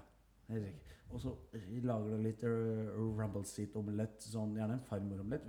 Og så legger du det oppå brødet. Nei, sorry, jeg, jeg gikk inn i en rolle som skulle på en måte fullføre. Truls à la Hellmøkk, altså. Verdens best irriterende Men- rolle. Jeg kommer til å spille den i fem minutter. Så eh, du har brødrister som en av dine eh, redskaper? Ja, fordi det er veldig sånn Det er chill å ha en brødrister. Fordi det du ikke skal glemme med ei brødrost, er det at du har et gammelt Den brødstykke som du eh, kunne ha brødskiva på begge kjøkken, og så- sider. Det er og så kan du skjære opp det brødet da i Ja, det er skikkelig skiver og legge det i, i brødristeren. Og så til og med det litt måte- gammelt Så får det brød. sin renessanse, ikke sant? Kan jeg, kan jeg fortelle en digresjon rundt det med brødrister og noe med kanskje nisselandet vi bor i? Fordi da jeg var liten, så bodde jeg litt i USA. Nice. Og det, det som slo meg da, var at der har de jo Er det derfor brødrister. dere bruker så mye engelske ord? Ikke sant? Og brødristeren den brukes til mye mer i USA. Du har noe som heter Pop-Tarts. Du har noe som heter Egos. Sånne vafler. Altså, du putter ting nedi brødristeren Som, som er som, som hvorfor har vi ikke det i Norge? ja, Det, det, det syns jeg nesten er litt rart. Men uh, jeg, jeg er enig i at brødristeren den er bra, men jeg vil bare si at du kan bruke den til mer enn bare brød. da.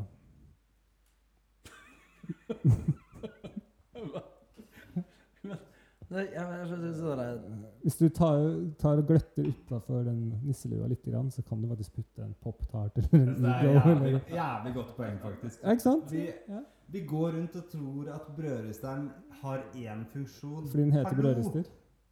Men det som er litt interessant, er sånn, rent, rent, sånn, rent sånn språklig ja, Et tips.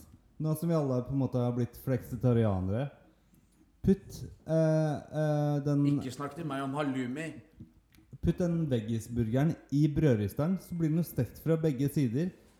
Det tar tre minutter istedenfor uh, et kvarter på hver side i Så ringer hun der Kristin Gjelsvik og kjefter han ned. Kristin og jeg er utrolig enige. Hvis vi bare alle hadde vært uh, fleksitarianere, så hadde vi kanskje vært der, liksom. Hadde vi ikke trengt uh, Greta Thunberg. det du trenger, Bjørn, er et opphold med kun rabarbrasuppe, saltvann, fokus, bading Ikke alt det der Instagram lar det hele tiden. Nei. Men, men det jeg vil si med brødrister, og det er det siste jeg kommer til å si om brødristeren i hele dag, er at det er kanskje et problem, et markedsføringsproblem for brødristeren i Norge at den heter brødrister. Uh, så kanskje man skulle het, kalt det bare rister eller et eller annet, sånn at man kunne åpna opp horisonten litt og kanskje putta andre ting oppi der. Ja. Men det, det, Nei, er, det er det smarteste. jeg har hørt. åpenbart sånn. Men vet, vet du hva jeg setter umåtelig pris på? En gang iblant når jeg er hjemme hos uh, mutter'n og fatter'n. To stjerner. Ja. Ja. Faen, altså. Det er jo så mye bedre enn uh, ost og smørbrød i ovnen. Et, ordentlig godt toastjern som man putter på en måte brødskiver over og under med liksom For det er, det er noe med den toasten, altså. Ja. Men, men det er jo forskjell på en måte, Man har jo det som heter grillsmørbrød, er det ikke det? Eller altså et eh, ostesmørbrød, eh, som du setter i ovnen. Og så har du en toast. Det er to forskjellige ting. det er to forskjellige ting. Ja. To forskjellige matretter. Men øh, ja, jeg har kjøpt meg toastjern også. Jeg, jeg ble litt lei etter et par dager. Ja, krups. Jeg ble litt sånn lei. Men hva, eh, så sånn Lei av konseptet. favoritt-toastmessig, så er det veldig mange som sverger da til vanlig gul ost, altså da gjerne fra Norvegias. Også kokt skinke er jo liksom det er standardtoasten. da. Mm. Og så med litt hoff pommes frites kryders. Ja, ja. Jeg var faktisk på Jacobs og kjøpte meg sånn derre ja, en sånn uh, sennep. Som var sånn helt sånn toast-sennep, eller et eller annet sånt. uh, det kan være at det var nesten en slags placeboeffekt, men jeg følte at denne sennepen Var du liksom på Jakobs Jacobs og kjøpte toast-sennep? Ja. Fordi jeg hadde nettopp kjøpt meg toaststjerne, da, så tenkte jeg nå Det er greit å gå all in noen ganger. Men hva hadde du sånn som hva slags type brød? Hva slags som var Nei, Da kjøpte jeg altså toastbrød på Jacob. Jacobs. Og liksom, ja, jeg liksom Flott der, Og det var veldig gøy et par dager. Men jeg har ikke lagd så veldig mye toast etter det. Ja, det er det som er med toast. Er sånn, det er gøy når det står på. Det er gøy når det står på. Men det er Men, men det er du Det er ikke noe sånn at du liksom Nå har jeg fått nok toast for mange, Aldri hatt den følelsen. Hæ? I sånn, I sånn familiesammenheng, da. Når husholdningen sier sånn «Eh, nå, nå har vi fått nok eh, toast her. Ja, altså toast eh, Nå har jeg ikke lyst på toast lenger. Det er Sånn eh, På Lorry Mm. Har du vært på Lorry, Andreas? Mm. Er det, er det, er det fordomsprakt, eller er det, eller hva- liksom, det Jeg, har- Lorry jeg har ikke spist der mye, må jeg si. Men Nei, men du har spist toast der? Ja, det aha. Spist toast på Lorry. men- Tenker du på den beryktede Lorry-toasten? Trilloast? Er det en greie? Ja. Nei, det er ikke det. Men uh, i, i mange jeg synes det, det, det jeg nevner, er jo fordi at man savner jo julebordet Og da er jo Lorry en sånn eh, Pleier du å ha julebord på Lorry? Nei, men veldig ofte så, så hører jeg liksom at folk snakker om sånn Jeg har vært uh, fire ganger på Lorry, jeg. Og spist pinnekjøtt. Det er sånn Så jævlig fet du er, liksom, som har vært på Lorry og spist pinnekjøtt fire ganger. Men får du slags fobo av det? At noen har vært på Lorry? Ja, jeg gjør det. Jeg kjenner det. Jeg får litt fomo av det- Vet du hva jeg får fomo av? Hva da? Det er å ikke være på for eksempel det, Når du går oppover det der Jeg må si det sånn Det er noen som kaller det for Bogstad. Altså det er Bogstad golfklubb. Men der oppe så har du, du har, Ja, det er ferdigskritt. Men eh, så har du eh, disse her Den der puben der oppe. Hva heter den, eh, Andreas? Nesten spørre Bjørn om, fordi jeg er litt usikker på Den som ligger ovenfor eh, Det heter jo den derre Ja, det er jo idioter hele bandet. Det er Horgans, og så er det Mabau. Men nå er vi da inne i spalten 'Flykten fra dyredritten'. Du husker jo det, du, Andreas? Jeg husker den serien på barne-TV.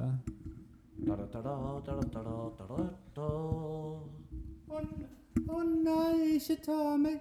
Jeg er bare pinnsvinet. Oh, jeg, jeg ser at du sliter, men jeg kan ikke hjelpe deg. For jeg har drukket whisky hele natta. Jeg orker ikke å rømme fra dyreskogen. Hva er de? Å nei, pass deg for de store bilhjulene som kommer er å riv, jeg veit hvordan ferden bærer. Du trenger ikke å bekymre deg, for jeg har ansvaret for hele gjengen, så du skal Tar de ansvaret for meg òg? Jeg tror ikke at jeg klarer mer. Kan jeg sitte oppå ryggen din, at de kanskje bærer meg? Det er klart de kan. Hva? sett deg opp på ryggen min. Det er klart at jeg bærer deg. Om ikke alle andre jura ser hvilke egenskaper du har å bidra med i jureskogen, så skal de steke, altså, i sitt eget fette skalle. Å, jeg ser at de flyver, men du skulle være minnelig påminnelse om at ikke Hva? Jeg er rev. Jeg ser at dyrene sliter. Men vi kan ikke ha det slik. Vi må reise videre. Nå reiser vi med videre, og vi hører på Dyreskogen-sangen. Jeg er ikke sikker på om jeg orker å reise mer. Jeg tror at de, ja, dit hen vi reiser, at vi kanskje kunne få Hva sier du? At de har både møvenpikk og krabbestikksalat, sier du? Jeg klarer meg et par kvadratmeter til, gjerne. Å, jeg tror jeg klarer det. Tusen takk. Tusen takk. Det var veldig hyggelig å høre. Skal vi fortsette? På Så fortsetter vi. Ja, Bjørn. Eh, Den sangen jeg har tenkt å spille for deg nå, kan høres eh, litt kjedelig ut. Det er en seks åttendels eh, ballade. Jan Mabro. Jeg bare har ikke tro på at det blir noe godt opptak, for det er sånn mikrofon så lang. Du må dra den ut.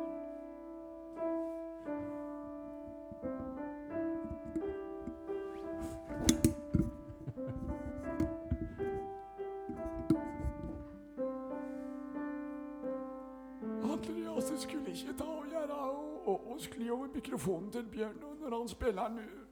Jeg, jeg, jeg tror dette kommer til å bli en Emilie Nicolas-hit på et tidspunkt. Emilie Nicolis. Jeg, Jeg tror på han. jeg har trua på at du klarer å gjøre noe, men jeg vet ikke helt hva. Eh, ja Men eh, dere skulle vi fortsatt Hva var neste spalte? Jeg syns jeg så han i går! Her er han i livet. Er han ferdigsklidd? Her er han i livet. Eller er han i live? Er han ferdig sklidd. du så han i går. Eller er det livet? Hva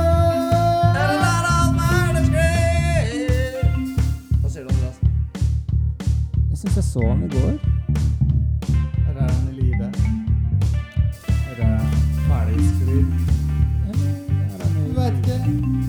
Vi skal finne ut av det nå.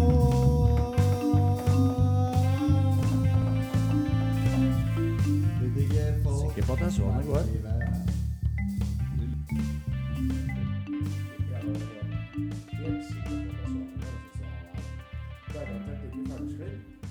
Da begynner vi ferdigsklidd-spalten. Og vi begynner med Leif Hagen. Leif Hagen. Ja.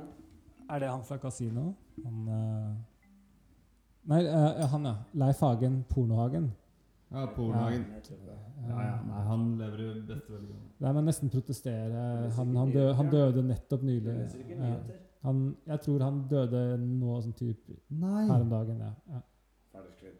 Han er nok ferdigsklidd. ja. Han var på en eh, Vet du hva? Han, eh, eh, jeg sendte melding til Tøyen Holding fordi han hadde en nydelig låt. eh, hvor, hvor jeg lurte på hvem det lydopptaket var. Og så var det Leif Hagen. Du snakker ikke om Arne Skiffel Joe nå, for det- jeg gidder ikke noe kødd her. Absolutt ikke. Nei, men han som heter Pornohagen, han døde jo nå nylig. Ja, gjorde han det? sånn, Andreas, Fikk jeg ikke med meg. den pornogreia Altså, hvor mye Fordi han, han skrev jo da en artikkel jeg leste hvor han sier sånn det var penga som drev den. Ja, hva kanskje. hadde tjent et sted mellom ei milliard eller to Han visste ikke helt, men han hadde tjent spenn på det pornostykket. Altså sånn Åssen er det mulig, da? Eh, sånn? Nei, det var jo lenge siden, da. Det var sånn 80-90-tallet. Han Han, døde jo nå. han døde nå, ja. Men var det ikke sånn aktuell rapport og alt det der? Der, eh, Han hadde et sitat som var sånn Helt grei, hu. Vet du han sa? sa han pleide å si om damer er Helt grei, hu. Han, sånn der, han var så gullforgylt både i oppsyn og væremåte. Liksom sånn han var jo veldig sånn der, Han var pornohagen. Han var et slags Jeg tipper han ble, ble født som læreransikt, på en måte. Mm. Han, eh, jeg stemmer for ferdigsklidd, iallfall. Ja, han er ferdigsklidd. Og så er det Boba, Boba Fett. Han er også ferdigsklidd. Mm. Nå nylig. Altså nå i løpet av siste døgnet. Ja, du vet hva vi snakker om? Ja, han spilte Boba Fett. Ja. Han uh, er ferdigsklidd i min bok. Hva sier du, Bjørn? Hvem er det vi snakker om igjen? Boba Fett. Jeg vet ikke hvem det er. En sånn karakter i Star Wars. Jeg har ikke peiling. Altså, skuespilleren som spilte Boba Fett, er ferdigskrevet. Så ferdig med han. Og så er det Finn Bjelke. Finn Bjelke lever som faen. Jeg vil også si at han meg Jeg vil tippe at han lever, jeg òg. Ja. Ja, Det står det faktisk ikke. men- Står ikke Nei, det står ikke faktisk Ja. Arne Bendiksen? Arne Bendiksen Hvem er det igjen? Er det han pastoren? Han uh, kristensangeren? Er det, er det han? Arne Bendiksen, han eh, Han er ferdig, ferdig på isen. Ferdigskrevet? Ja. Han er det, vet du. Men Kan vi, kan vi gjøre litt sånn derre Han døde på 2000-tallet. Jo. Men kan vi gjøre litt sånn derre Ferdig For de har jo, sitter jo med en helt sånn ferdigsklidd greier. Kan vi ta litt sånn Best of ferdigsklidd? Ja. At jeg velger noen navn her. og Sånn her eh, Jan Simonsen. Ja han er nok eh, han Frp-politikeren. Han er ferdigsklidd. Ja, han var Ja. Ferdigskridd. Harald Tusberg. Harald Tusberg. Hvem er det? Hvem er det? Han drev jo på Marienlyst NRK der. Han hadde jo garasjeplass ved siden av eh, Vintrogo. Trond-Viggo Torgersen. Jeg jeg vil si ferdigsklidd på han. Ma. Han lever. her. Okay. 85 år. Kan du fortelle hva han har gjort? Han spilte blant annet Men det sa jeg i forrige episode. Han spilte blant annet med um, Men Tusen Ha- Smarty. Mabro, har du ikke nye ferdigslidd spalter til- Eller nye Ja, men- liksom folk Jeg til har hatt, hatt Jeg har hatt dårlig tid. Selv om du nevnte noen i forrige episode, så tror jeg Du har hatt over ti ferdigslitt folk, men det er egentlig bare å nevne navn på folk som enten er døde eller Mm. eksisterer Mm. i live. Så det er jo ganske mange å ta av. Mm. så det er ikke verdens vanskeligste spalte å skaffe navn til. det er jo Du. Nei, du har virkelig alle muligheter. Du kan, du, der finnes ingen mennesker som ikke passer inn i ferdigstilt, fordi du kan både ta levende og døde. Clint Eastwood. Jeg tror han lever. Han lever som et helvete. ja. Har du sett sønnen hans, eller? Den smørkaka. Altså, han ser dårligere ut enn far, eller? Jeg syns Altså, kanskje Han ser så smørbrød ut at du bare Du vil ikke tro engang. Flyr ut med sånt et chassisbjørn. Jeg tror uh, Eastwood uh, lever og lager filmer og holder på. Han spiller manus akkurat. Kjell Magne Bondevik.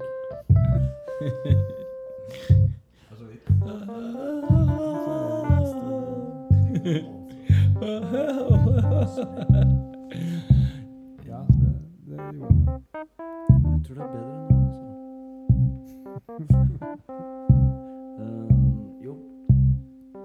Så kommer neste.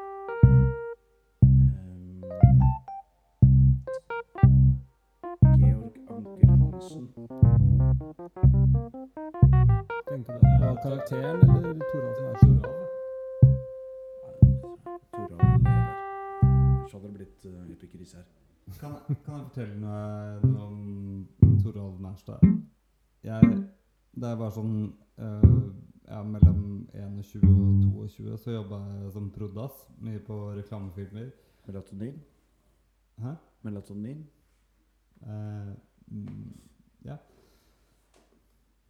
Så kjø... Da dro jeg opp i Voksenåsen da, og henta, henta Torvald Mærstad. Kjørte han til sett, på en måte. Og kjørte han hjem igjen etter endt innspilling. Og så satt han i Og han, han valgte å ikke sette seg bak i baksetet. Han satt seg i, i setet ved siden av meg, og jeg var jo på en måte en ung, en ung sjåfør. Så stoppet vi opp for en fotgjenger som skulle over gaten, og det var en dame som syklet. Og så sa han Du går over fotgjengerfeltet, du sykler ikke! Og midt på Og det, og det var inni en bil, helt lydtett, men midt, midt i gangfeltet der, så hoppet hun damen av. Tok seg selv i det. Hoppet av sykkelen og trillet resten. Han bare Han har en Han magisk uh, kraft og en, og en makt som Ja, ingen av oss dødelige Altså, selvfølgelig er han Ja, ja. i live. Han kan aldri dø. Arnold, Arnold P-Dog som var da. Arnold P. Doggy Dog. Pitcheren. Han spilte Så var det han, han fortalte om Torelv, da. Og åssen de driver der oppe. Og på en sånn Jeg tror ikke Toralv kommer til å dø noen gang. Altså. Han har bare sånn evig vindmølle av Og så opp av boken! Opp fra grunnen! Så sier vi i samme stund at han er liksom Per Gynt for life. Det kan hende. Han bare eier eh, alt rundt seg. Han er en helt enorm uh, autoritet. Toralv, ja. Ja. Han er også sånn et oppsyn. Ja, det, det er. Flott mann. Altså sånn hvor, hvor, hvor, hvor jævlig kult skal teaterkafeen være? Altså sånn Skal, skal liksom være sånn vi, vi, har, vi har bestilt bord på teaterkafeen. Ah, er det sånn Ja, Teaterkafeen, du har en kritisk innstilling til, til den? Nei, jeg vet ikke. Jeg, altså, jeg syns jo egentlig at Theatercaféen er jo et strålende kafé. Men jeg vet ikke om det liksom fortjener den derre Jeg hadde jo en, eh, en julekalender som jeg skulle egentlig sette til verks denne jula. Andres. Hvor jeg skulle besøke 24 mørke steder. Ja, Jeg skulle lese opp de stedene.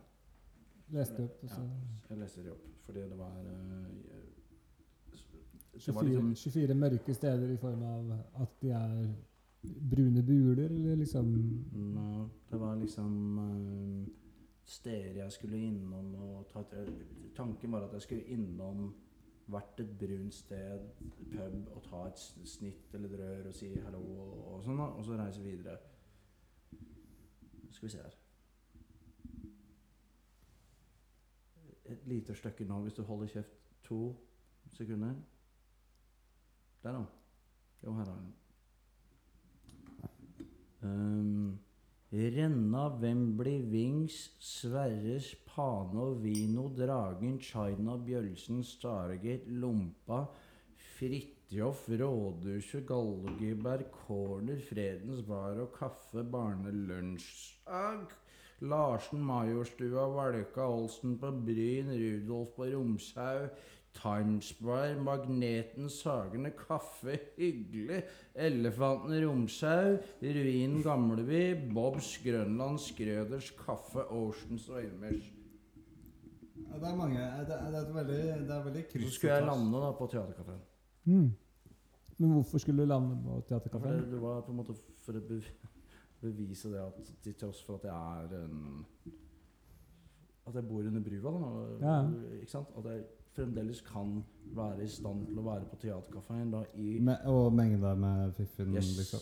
Med smoking der og, og sånn To uh, Ikke sant? Ja, ja, jeg skjønner hva du mener. Men uh, det er mange av de stedene der som er veldig bra. Men jeg føler det, det er litt sånn Fins de stedene enda Jeg tror ikke Fins Fordi Ja, renn, Renna og sånn ja, Renna, Jo, ja, det- Renna fins han, fortsatt. eh, Raja på Renna han svindla oss, vet du. Han, han eh, Jeg var på Renna for ikke så lenge ja, siden. Er det- sånn, hva? Det er fortsatt i spillkort Det sånn, var sånn, jævlig fett. Er det det? Ja, Ja, det er altså, det var- rått der oppe, liksom. Det, det. Og så sa han det at eh, Jo, vi skulle gjerne ha Bjaulai, sa jeg. Visst faen skulle vi ha Bjaulai. Og så, Bravlai? altså, vi drakk en tom for Bjaulai, og så sa han Jeg har ikke mer Bjaulai, men jeg har noe som ligner. Hva er Braula i utgangspunktet? Baileys. Baileys, ja. Og det var Drambuie. i. Så det, det var ikke helt på merket? Ja, svindler. Fosentast. Men ja, nei, de, jeg savner jo kanskje litt den eh, Saras pub, eller Nei, ikke Saras, men Lille Lailas. Åh, Lille Lailas. Og jeg lærte meg å drikke. den derre Jeg har liksom tenkt at det er sånn at det var liksom vår tid. Eller ja, sånn 15 år siden, kanskje. Men, ikke med Last Trade ja, det har aldri vært min greie, men sånn Lille- Lille og sånn syns jeg var helt uh, topp. Har du bagett eller, Bjørn? Hæ? Bagett? Noe bagett? En sigd, eller? Hører du dårlig? En sigd. Skal vi ta siggepause? Altså sånn eh, Gutta på tur-messig med eh, Vebjørn Uldritt og, og Thomas Halsgaard og Nei, Syns du ikke at eh, Syns du virkelig ikke at eh, Bjørn Dæhlie har tjent for mye penger? Sånn sam sammenligna med de andre På, på, på tur. Mm. Jeg er litt usikker. Altså. Jeg føler alle de gutta på tur egentlig har tjent ganske mye penger. Nok. Ja, sånn Ja. Arne Hjeltnes Men eh, hvis du liksom kunne velge hvem av de du skulle vært selv. mm. Mm, jeg ville nok prøvd å være Arne Hjeltnes, tror jeg. Fordi han er så blid og veldig sånn Ja, ja, ja. Han kan bli sånn Jeg har jo dratt en digresjon om det her tidligere, men han er jo litt det samme som uh, han som spiller George. ja. Mistet liksom den sjarmen med alderen. Tenker på Jason Ja, Alexander. Jason, ja. Nei, jeg eh, Ikke for å skryte, men jeg har jo møtt Jason Alexander personlig. Helt personlig. Har du det? Jeg har det. Hæ? Jeg var på sånn pokerturnering i Las Vegas, og så eh,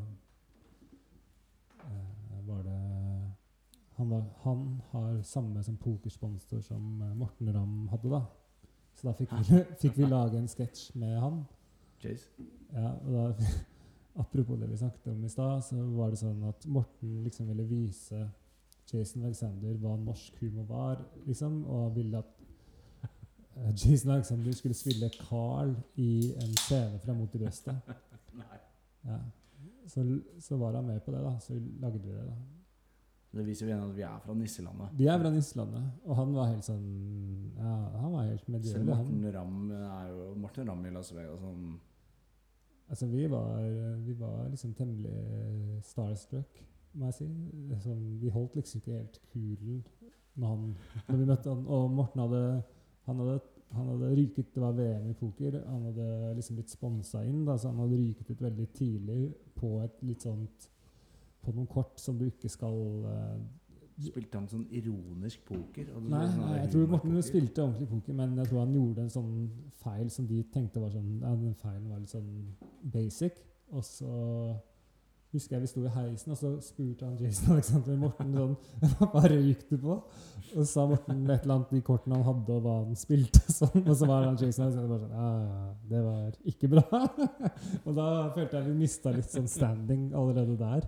Da ble dere bare fans. Da var vi bare fan, Eller jeg tror han dreit i helt hva vi gjorde. Vi lagde De- noe Dere holdt på å være likeverdige, og så ble dere Ja, bare jeg tror det hjalp ikke at Morten hadde ryket ut av den turneringen liksom, var- i første runde. Det var ikke sånn at Morten Ramm hadde håpet på at han og Jason Alexander skulle drikke Bloody Marys. Nei, det tror, jeg, det tror jeg ikke. Men jeg, jeg tror liksom at uh... Men så, sånn er det jo når man møter mennesker, at uh, man, man tror man kan ha et forhold, og så, og så plutselig så blir de ned, nedgradert han, han var der veldig på klokka, men det hjalp ikke, følte jeg, at Morten liksom hadde ryket ut på noe sånt som jeg kan ikke poker, da, men noe sånn veldig sånn vanlig Du skulle aldri spilt de kortene, bla, bla, bla. Sa Jason Alexander det? Han sa det til Janne heisen, ja. Og da, da følte vi liksom Da var vi litt lengre ned i status vi La du merke til da at han har fått litt sånn spissere nese? Og han mista litt den der gode gamle Seinfeld-sjarmen som han hadde i gamle dager. Sånn, og da der, Men jeg så en sånn dokumentar om han der musikalskaperen, han Steven Sondheim, og en musikal de hadde som Da var Jason Alexander med. da. mm. Han var jo helt rå som musikalstjerne. Altså han er en helt? Jace, ja, jeg tror han liksom på en eller annen måte et eller annet punkt valgte familielivet fremfor uh, Hollywood. da. Han er jo mm, rå skuespiller. Ja, Chase. men han, det var jo altså sånn Den rollen han spilte i Seinfeld, var Ja. jo altså, det, det, det kunne ikke Du må, se, du må se det når han spiller liksom Carl, og jeg tror Morten spiller Nils. Altså, altså, jeg, ja, det var vel det. Og så var det et eller annet med at Morten blåste opp en sånn chipspose og sølte overalt, og Carl ble veldig sur, og så ja. Tror jeg han prøvde å lese avisa. Hvorfor er ikke denne sketsjen mer eh, kjent? Nei, det, det, fordi den er dårlig, kanskje. Det, Den ble dårlig. Ja, liksom, vi hadde liksom ti minutter. og Kom deg inn på hotellrommet vårt, så skal vi filme deg kjapt som faen. Dere dro han inn på hotellrommet. Ja, faen, eh, fetteren til Morten, han er jo Han var i hvert fall veldig sånn hotshot i Pokerstars, da. Som var, I dag er han uh, hotshot innen padeltennis. Ja. Men så han vi om, liksom eh, ordnet den kontakten, da. Snakker vi om med skoa, altså Han, eh, Morten. Morten Udnes. Han, oh. Fetteren til Morten. Jeg tenkte på han Bri. Ja, det er lillebroren. Ja, Mm. ja. Ja, nei, vi snakker om Thomas Udnes. Ja. Så, nei, men da møtte jeg Jason Alexander. Da var jeg veldig starstruck. Det må jeg si. Det var veldig Ja, altså, det- Jason Så jeg har ikke noe sånn følelse Jeg har ikke noe sånn eh, Hva skal man si Kompliserte følelser overfor han. Jeg er bare veldig sånn fan av han. Fortsatt. Fortsatt. Men har din følelse overfor han forandret seg et, etter at du på en måte nådde 10 000 følgere på Instagram og har fått ganske mange hengivne fans? Fordi det, det som fort eh, skjer da når man oppnår på en måte mange fans, er jo på en måte at man klarer å snakke til folk på en viss måte uh, eye to eye, helt til det viser seg at de er fans, og da på en måte synker de i status. Du jobber ikke som andre? Nei, jeg, Jeg er veldig lite eksponert for fans, men uh, Er du? Man Ja, får ikke sånne eh, meldinger noen ganger? og Sånn jeg har fått én melding hvor en dame spurte meg om jeg ville sende en sånn bursdagshilsen til mannen hennes. Og det gjorde jeg, da. Eh, Sånn der Hei, gratulerer med dagen. Men, men nå, har du, nå har du 12 000 fans på Instagram. Ja. Og du legger, du, du legger ut ting bare når du føler for. Ja. Men Hvordan kommer den stemningen da opp når du liksom bestemmer deg for at nå skal jeg Er det, er det en slags Andreas som du går inn i og er sånn derre Nå skal jeg være Tøyse-Andreas når du lager det innhold? eller er Nei, egentlig ikke. Det er bare sånn Jeg har bare lyst til å gjøre det. Eh, Så da Jeg føler ikke at jeg bytter noen personlighet når jeg lager ting. i det hele tatt. Men uh, uh, OK. Kan jeg stille et uh, Er det Lindmo der borte, eller? Ja, Lindmo bort her. Lindmo Er det der. Lindmaur som sitter der, eller? Eh, Et litt teknisk eh. Men et litt teknisk spørsmål, da. Siden på en måte Du jobber jo med å skrive humor. Ja, det gjør du. Er det ikke sånn at uh, du burde bruke alle de gode ideene dine inn til det å skrive bra humor? Eller er det sånn Hvordan skiller du mellom de gode ideene som er kule å bruke på Instagram? Sorry Nei, at det blir det veldig sånn radio... Jeg syns det er helt problemfritt, for det er veldig lite overlapp. Det er ingen, det er ingen som er interessert i sånn De ideene jeg har på Instagram, det, det føler jeg er helt u, ubrukelige og uselgelige ideer i noen annen arena, da. I hvert fall sånn skrive for litt brede sitcomer og, og sånt som jeg gjør. Så jeg, jeg syns det er helt uproblematisk. det er jo aldri sånn at jeg tenker sånn Skal jeg bruke det der eller der? Det er sånn, ja, dette er liksom Ja.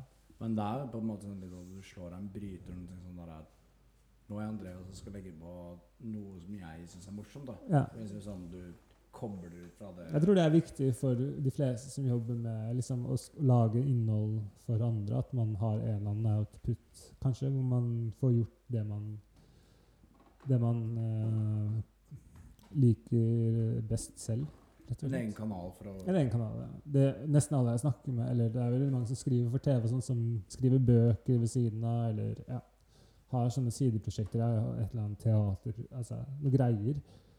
For jeg tror du, du, du, du blir jo litt sånn rar av å jobbe med TV, ikke sant? Mm. Fordi det er helt andre krav. i hele Ja, du blir litt sånn inni det mindsettet, rett og slett. Så Instagram for meg er helt uh, briljant Mm. kanal. Det er aldri de dårlige ideene, på en måte. Nei, det er jo ikke det. Det er jo det er jo aldri- eh, eh, Gode, men ubrukelige ideer. Ja, helt ubru det er helt sånn der, Jeg kan ikke liksom eh, bruke de ideene noe som helst annet sted.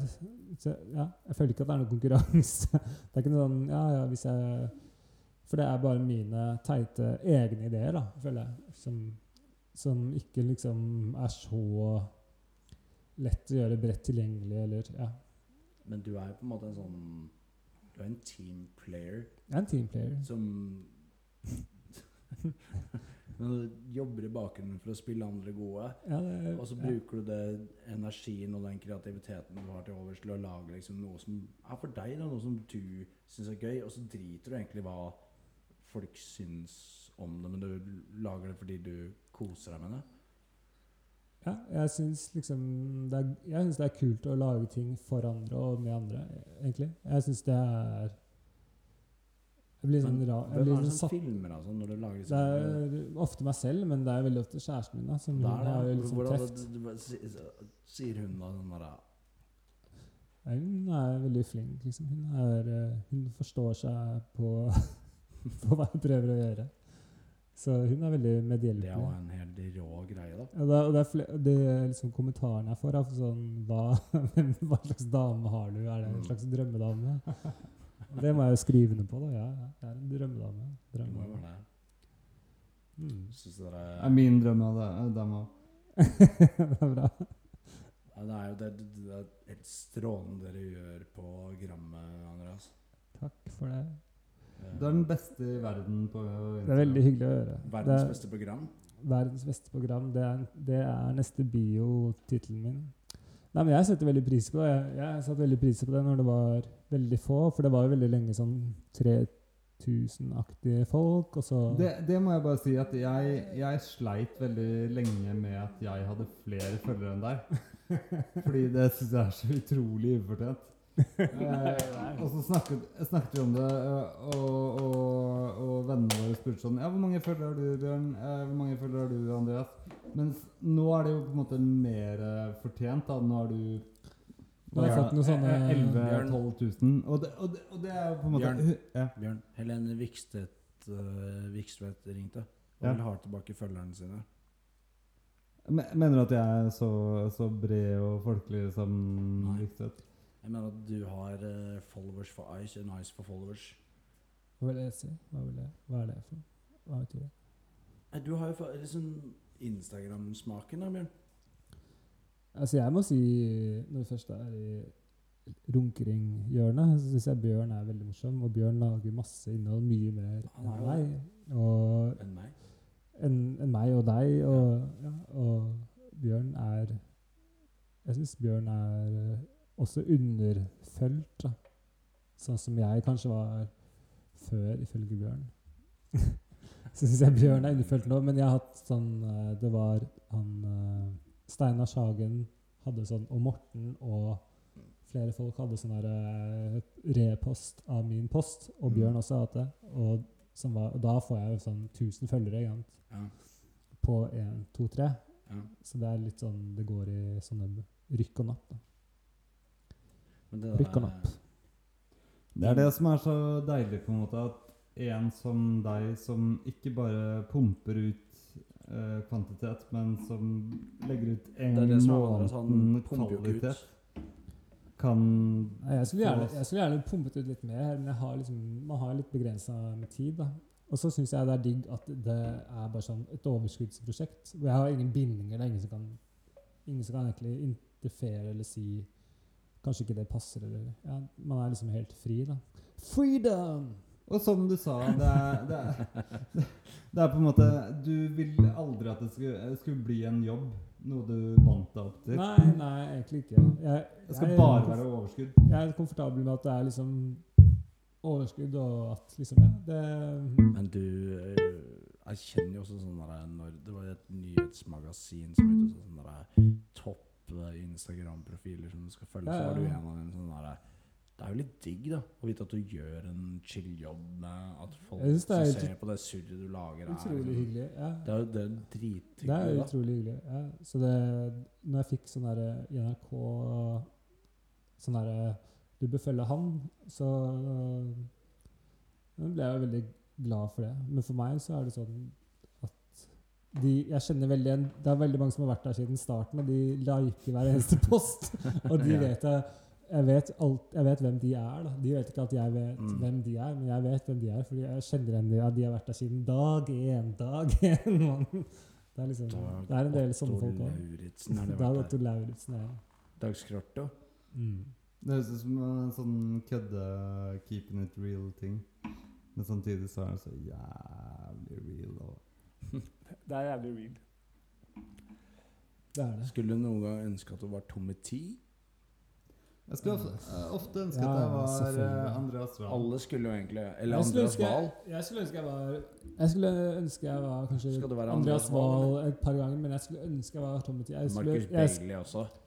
Marcus Bailey ja, Ja, men kanskje Men jeg skulle ønske jeg kunne lage liksom fet musikk som var Mm. eh, Ikke sant? Jeg tror alle Som ofte sånn at de har en sånn linje over til Stockholm, at de også syns er fett og sånn. ja, bare, bare, Men det er liksom Tenk å kunne lage liksom fett Tenk å kunne lage Jeg hørte den Sånn som Anders Nilsen Jeg hørte Bjørn hadde lagd en låt med han i stad.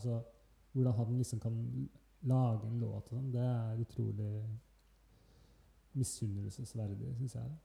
Men eh, er ikke liksom konklusjonen i alt det vi har snakket om, er sånn det at det å tørre å være kreativ og lage noe uten frykten, som du sier, sånn forventninger om Ja, ja. men det er, jeg tror jeg er liksom i en helt uh, liksom en slags privilegert posisjon, fordi jeg har jeg har en jobb, og liksom alt er sånn stødig økonomisk. Jeg trenger liksom ikke å ja, Hvis ingen ser på denne Instagram-posten, så er det litt sånn kjipt Mm. for meg og min familie. Det er veldig sånn Går det, så går Hvem er det som har en sånn Instagram-profil?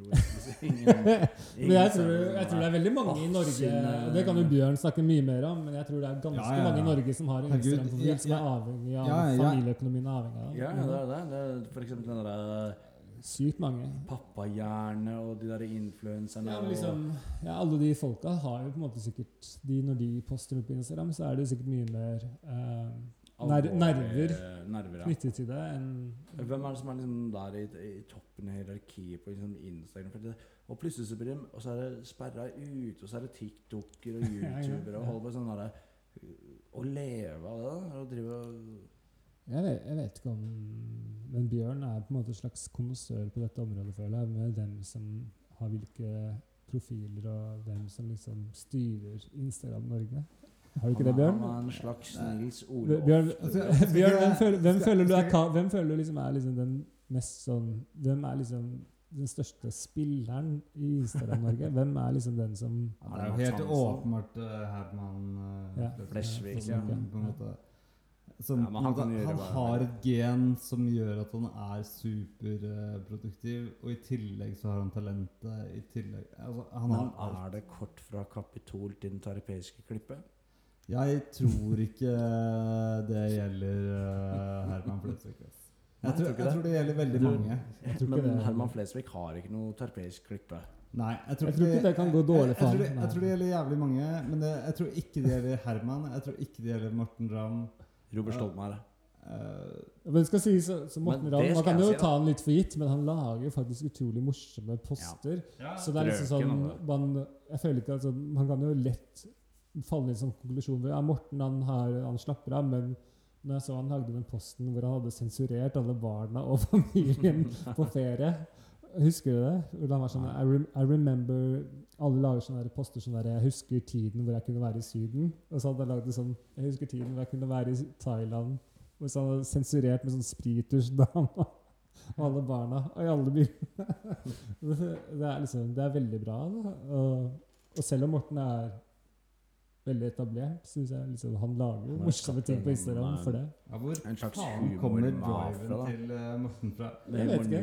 Det, det lurer til og med jeg på, som har jobbet så tett med Morten. Han har hytte på Nesbyen, vet du. Det har han. Det, det, Er det der driven den, er betalt, den er betalt av den fucking driven han har. Som ja. Ja, men kanskje han bare jeg jeg er, kanskje han bare er bra, da. Ikke sant? Kanskje han bare er Kanskje han bare er bra. jeg spør dere nå Andreas og Bjørn, Ja. Hvis dere nå skulle på en måte tatt et siste snitt da, og, og tausla ned på eh, jernbanetervet og satt deg på et flytog for å reise dit du drømte om, hvor, hvor, hvor skulle du dratt nå, liksom, som var helt Pavarotti å være? Et, et sted du liksom kan bare sette deg ned og liksom bare ta et bad i saltvann eller ferskvær. Vet da faen åssen du drømmer om å bade, men hvor faen skulle du reist, da? Det er så utrolig basic uh, svar, fordi det var sånn det, det var liksom årets uh, reisemål i hva da? 2016 Maldivene. eller Nei, ja, Sri Lanka. Sri Lanki? Ja, Lanka Lanka. Lankerne. Ja, jeg er glad i det landet. Elsker det. Jeg syns det er så varmt om det. Ja. varmt om Helt ærlig, jeg syns det er helt nydelig. Alle stoler på hverandre. Det er bare et nydelig, nydelig land. Be beklager at dette ble, det, dette ble alle- altfor uh, Nei, men det- alle Men men anbefaler du alle å dra dit? på en måte? Ja, det er så jævla kjedelig. Jeg skulle ønske jeg hadde noe fetere å svare. Liksom. Nei, nei, du vil til Sri Lanka. Det vil jeg. Så skal jeg si hvor jeg drømmer om. Ja. Jeg tenker jo sånn Hadde det vært totalmarsipan og dratt Jeg har en drømmeserie som jeg skal planlegge som heter Kardinal i pulk. Hvor vi skal i Alaska og Ja. trekke med ulver og holde på og spise pinnekjøtt og brannmannspikk og holde på, da. Men nei, vet du hva? hvis jeg skal si noe nå, akkurat nå på hæla, så sier jeg Malta. Ja, Malta. Konferansen. Ja, men, men selve øya Malta? Ja, for det har jeg vært Der, vet jeg Jeg har liksom dreis på Malta. Er det der han der supergudsen også har Superkidsen, da. Ja. Ja. Kidsen. Follow the leader. Altså, han Vi, vi Jeg skal bare sett masse jeg har sett at han har vært Kunne du tenkt deg en ferie med han?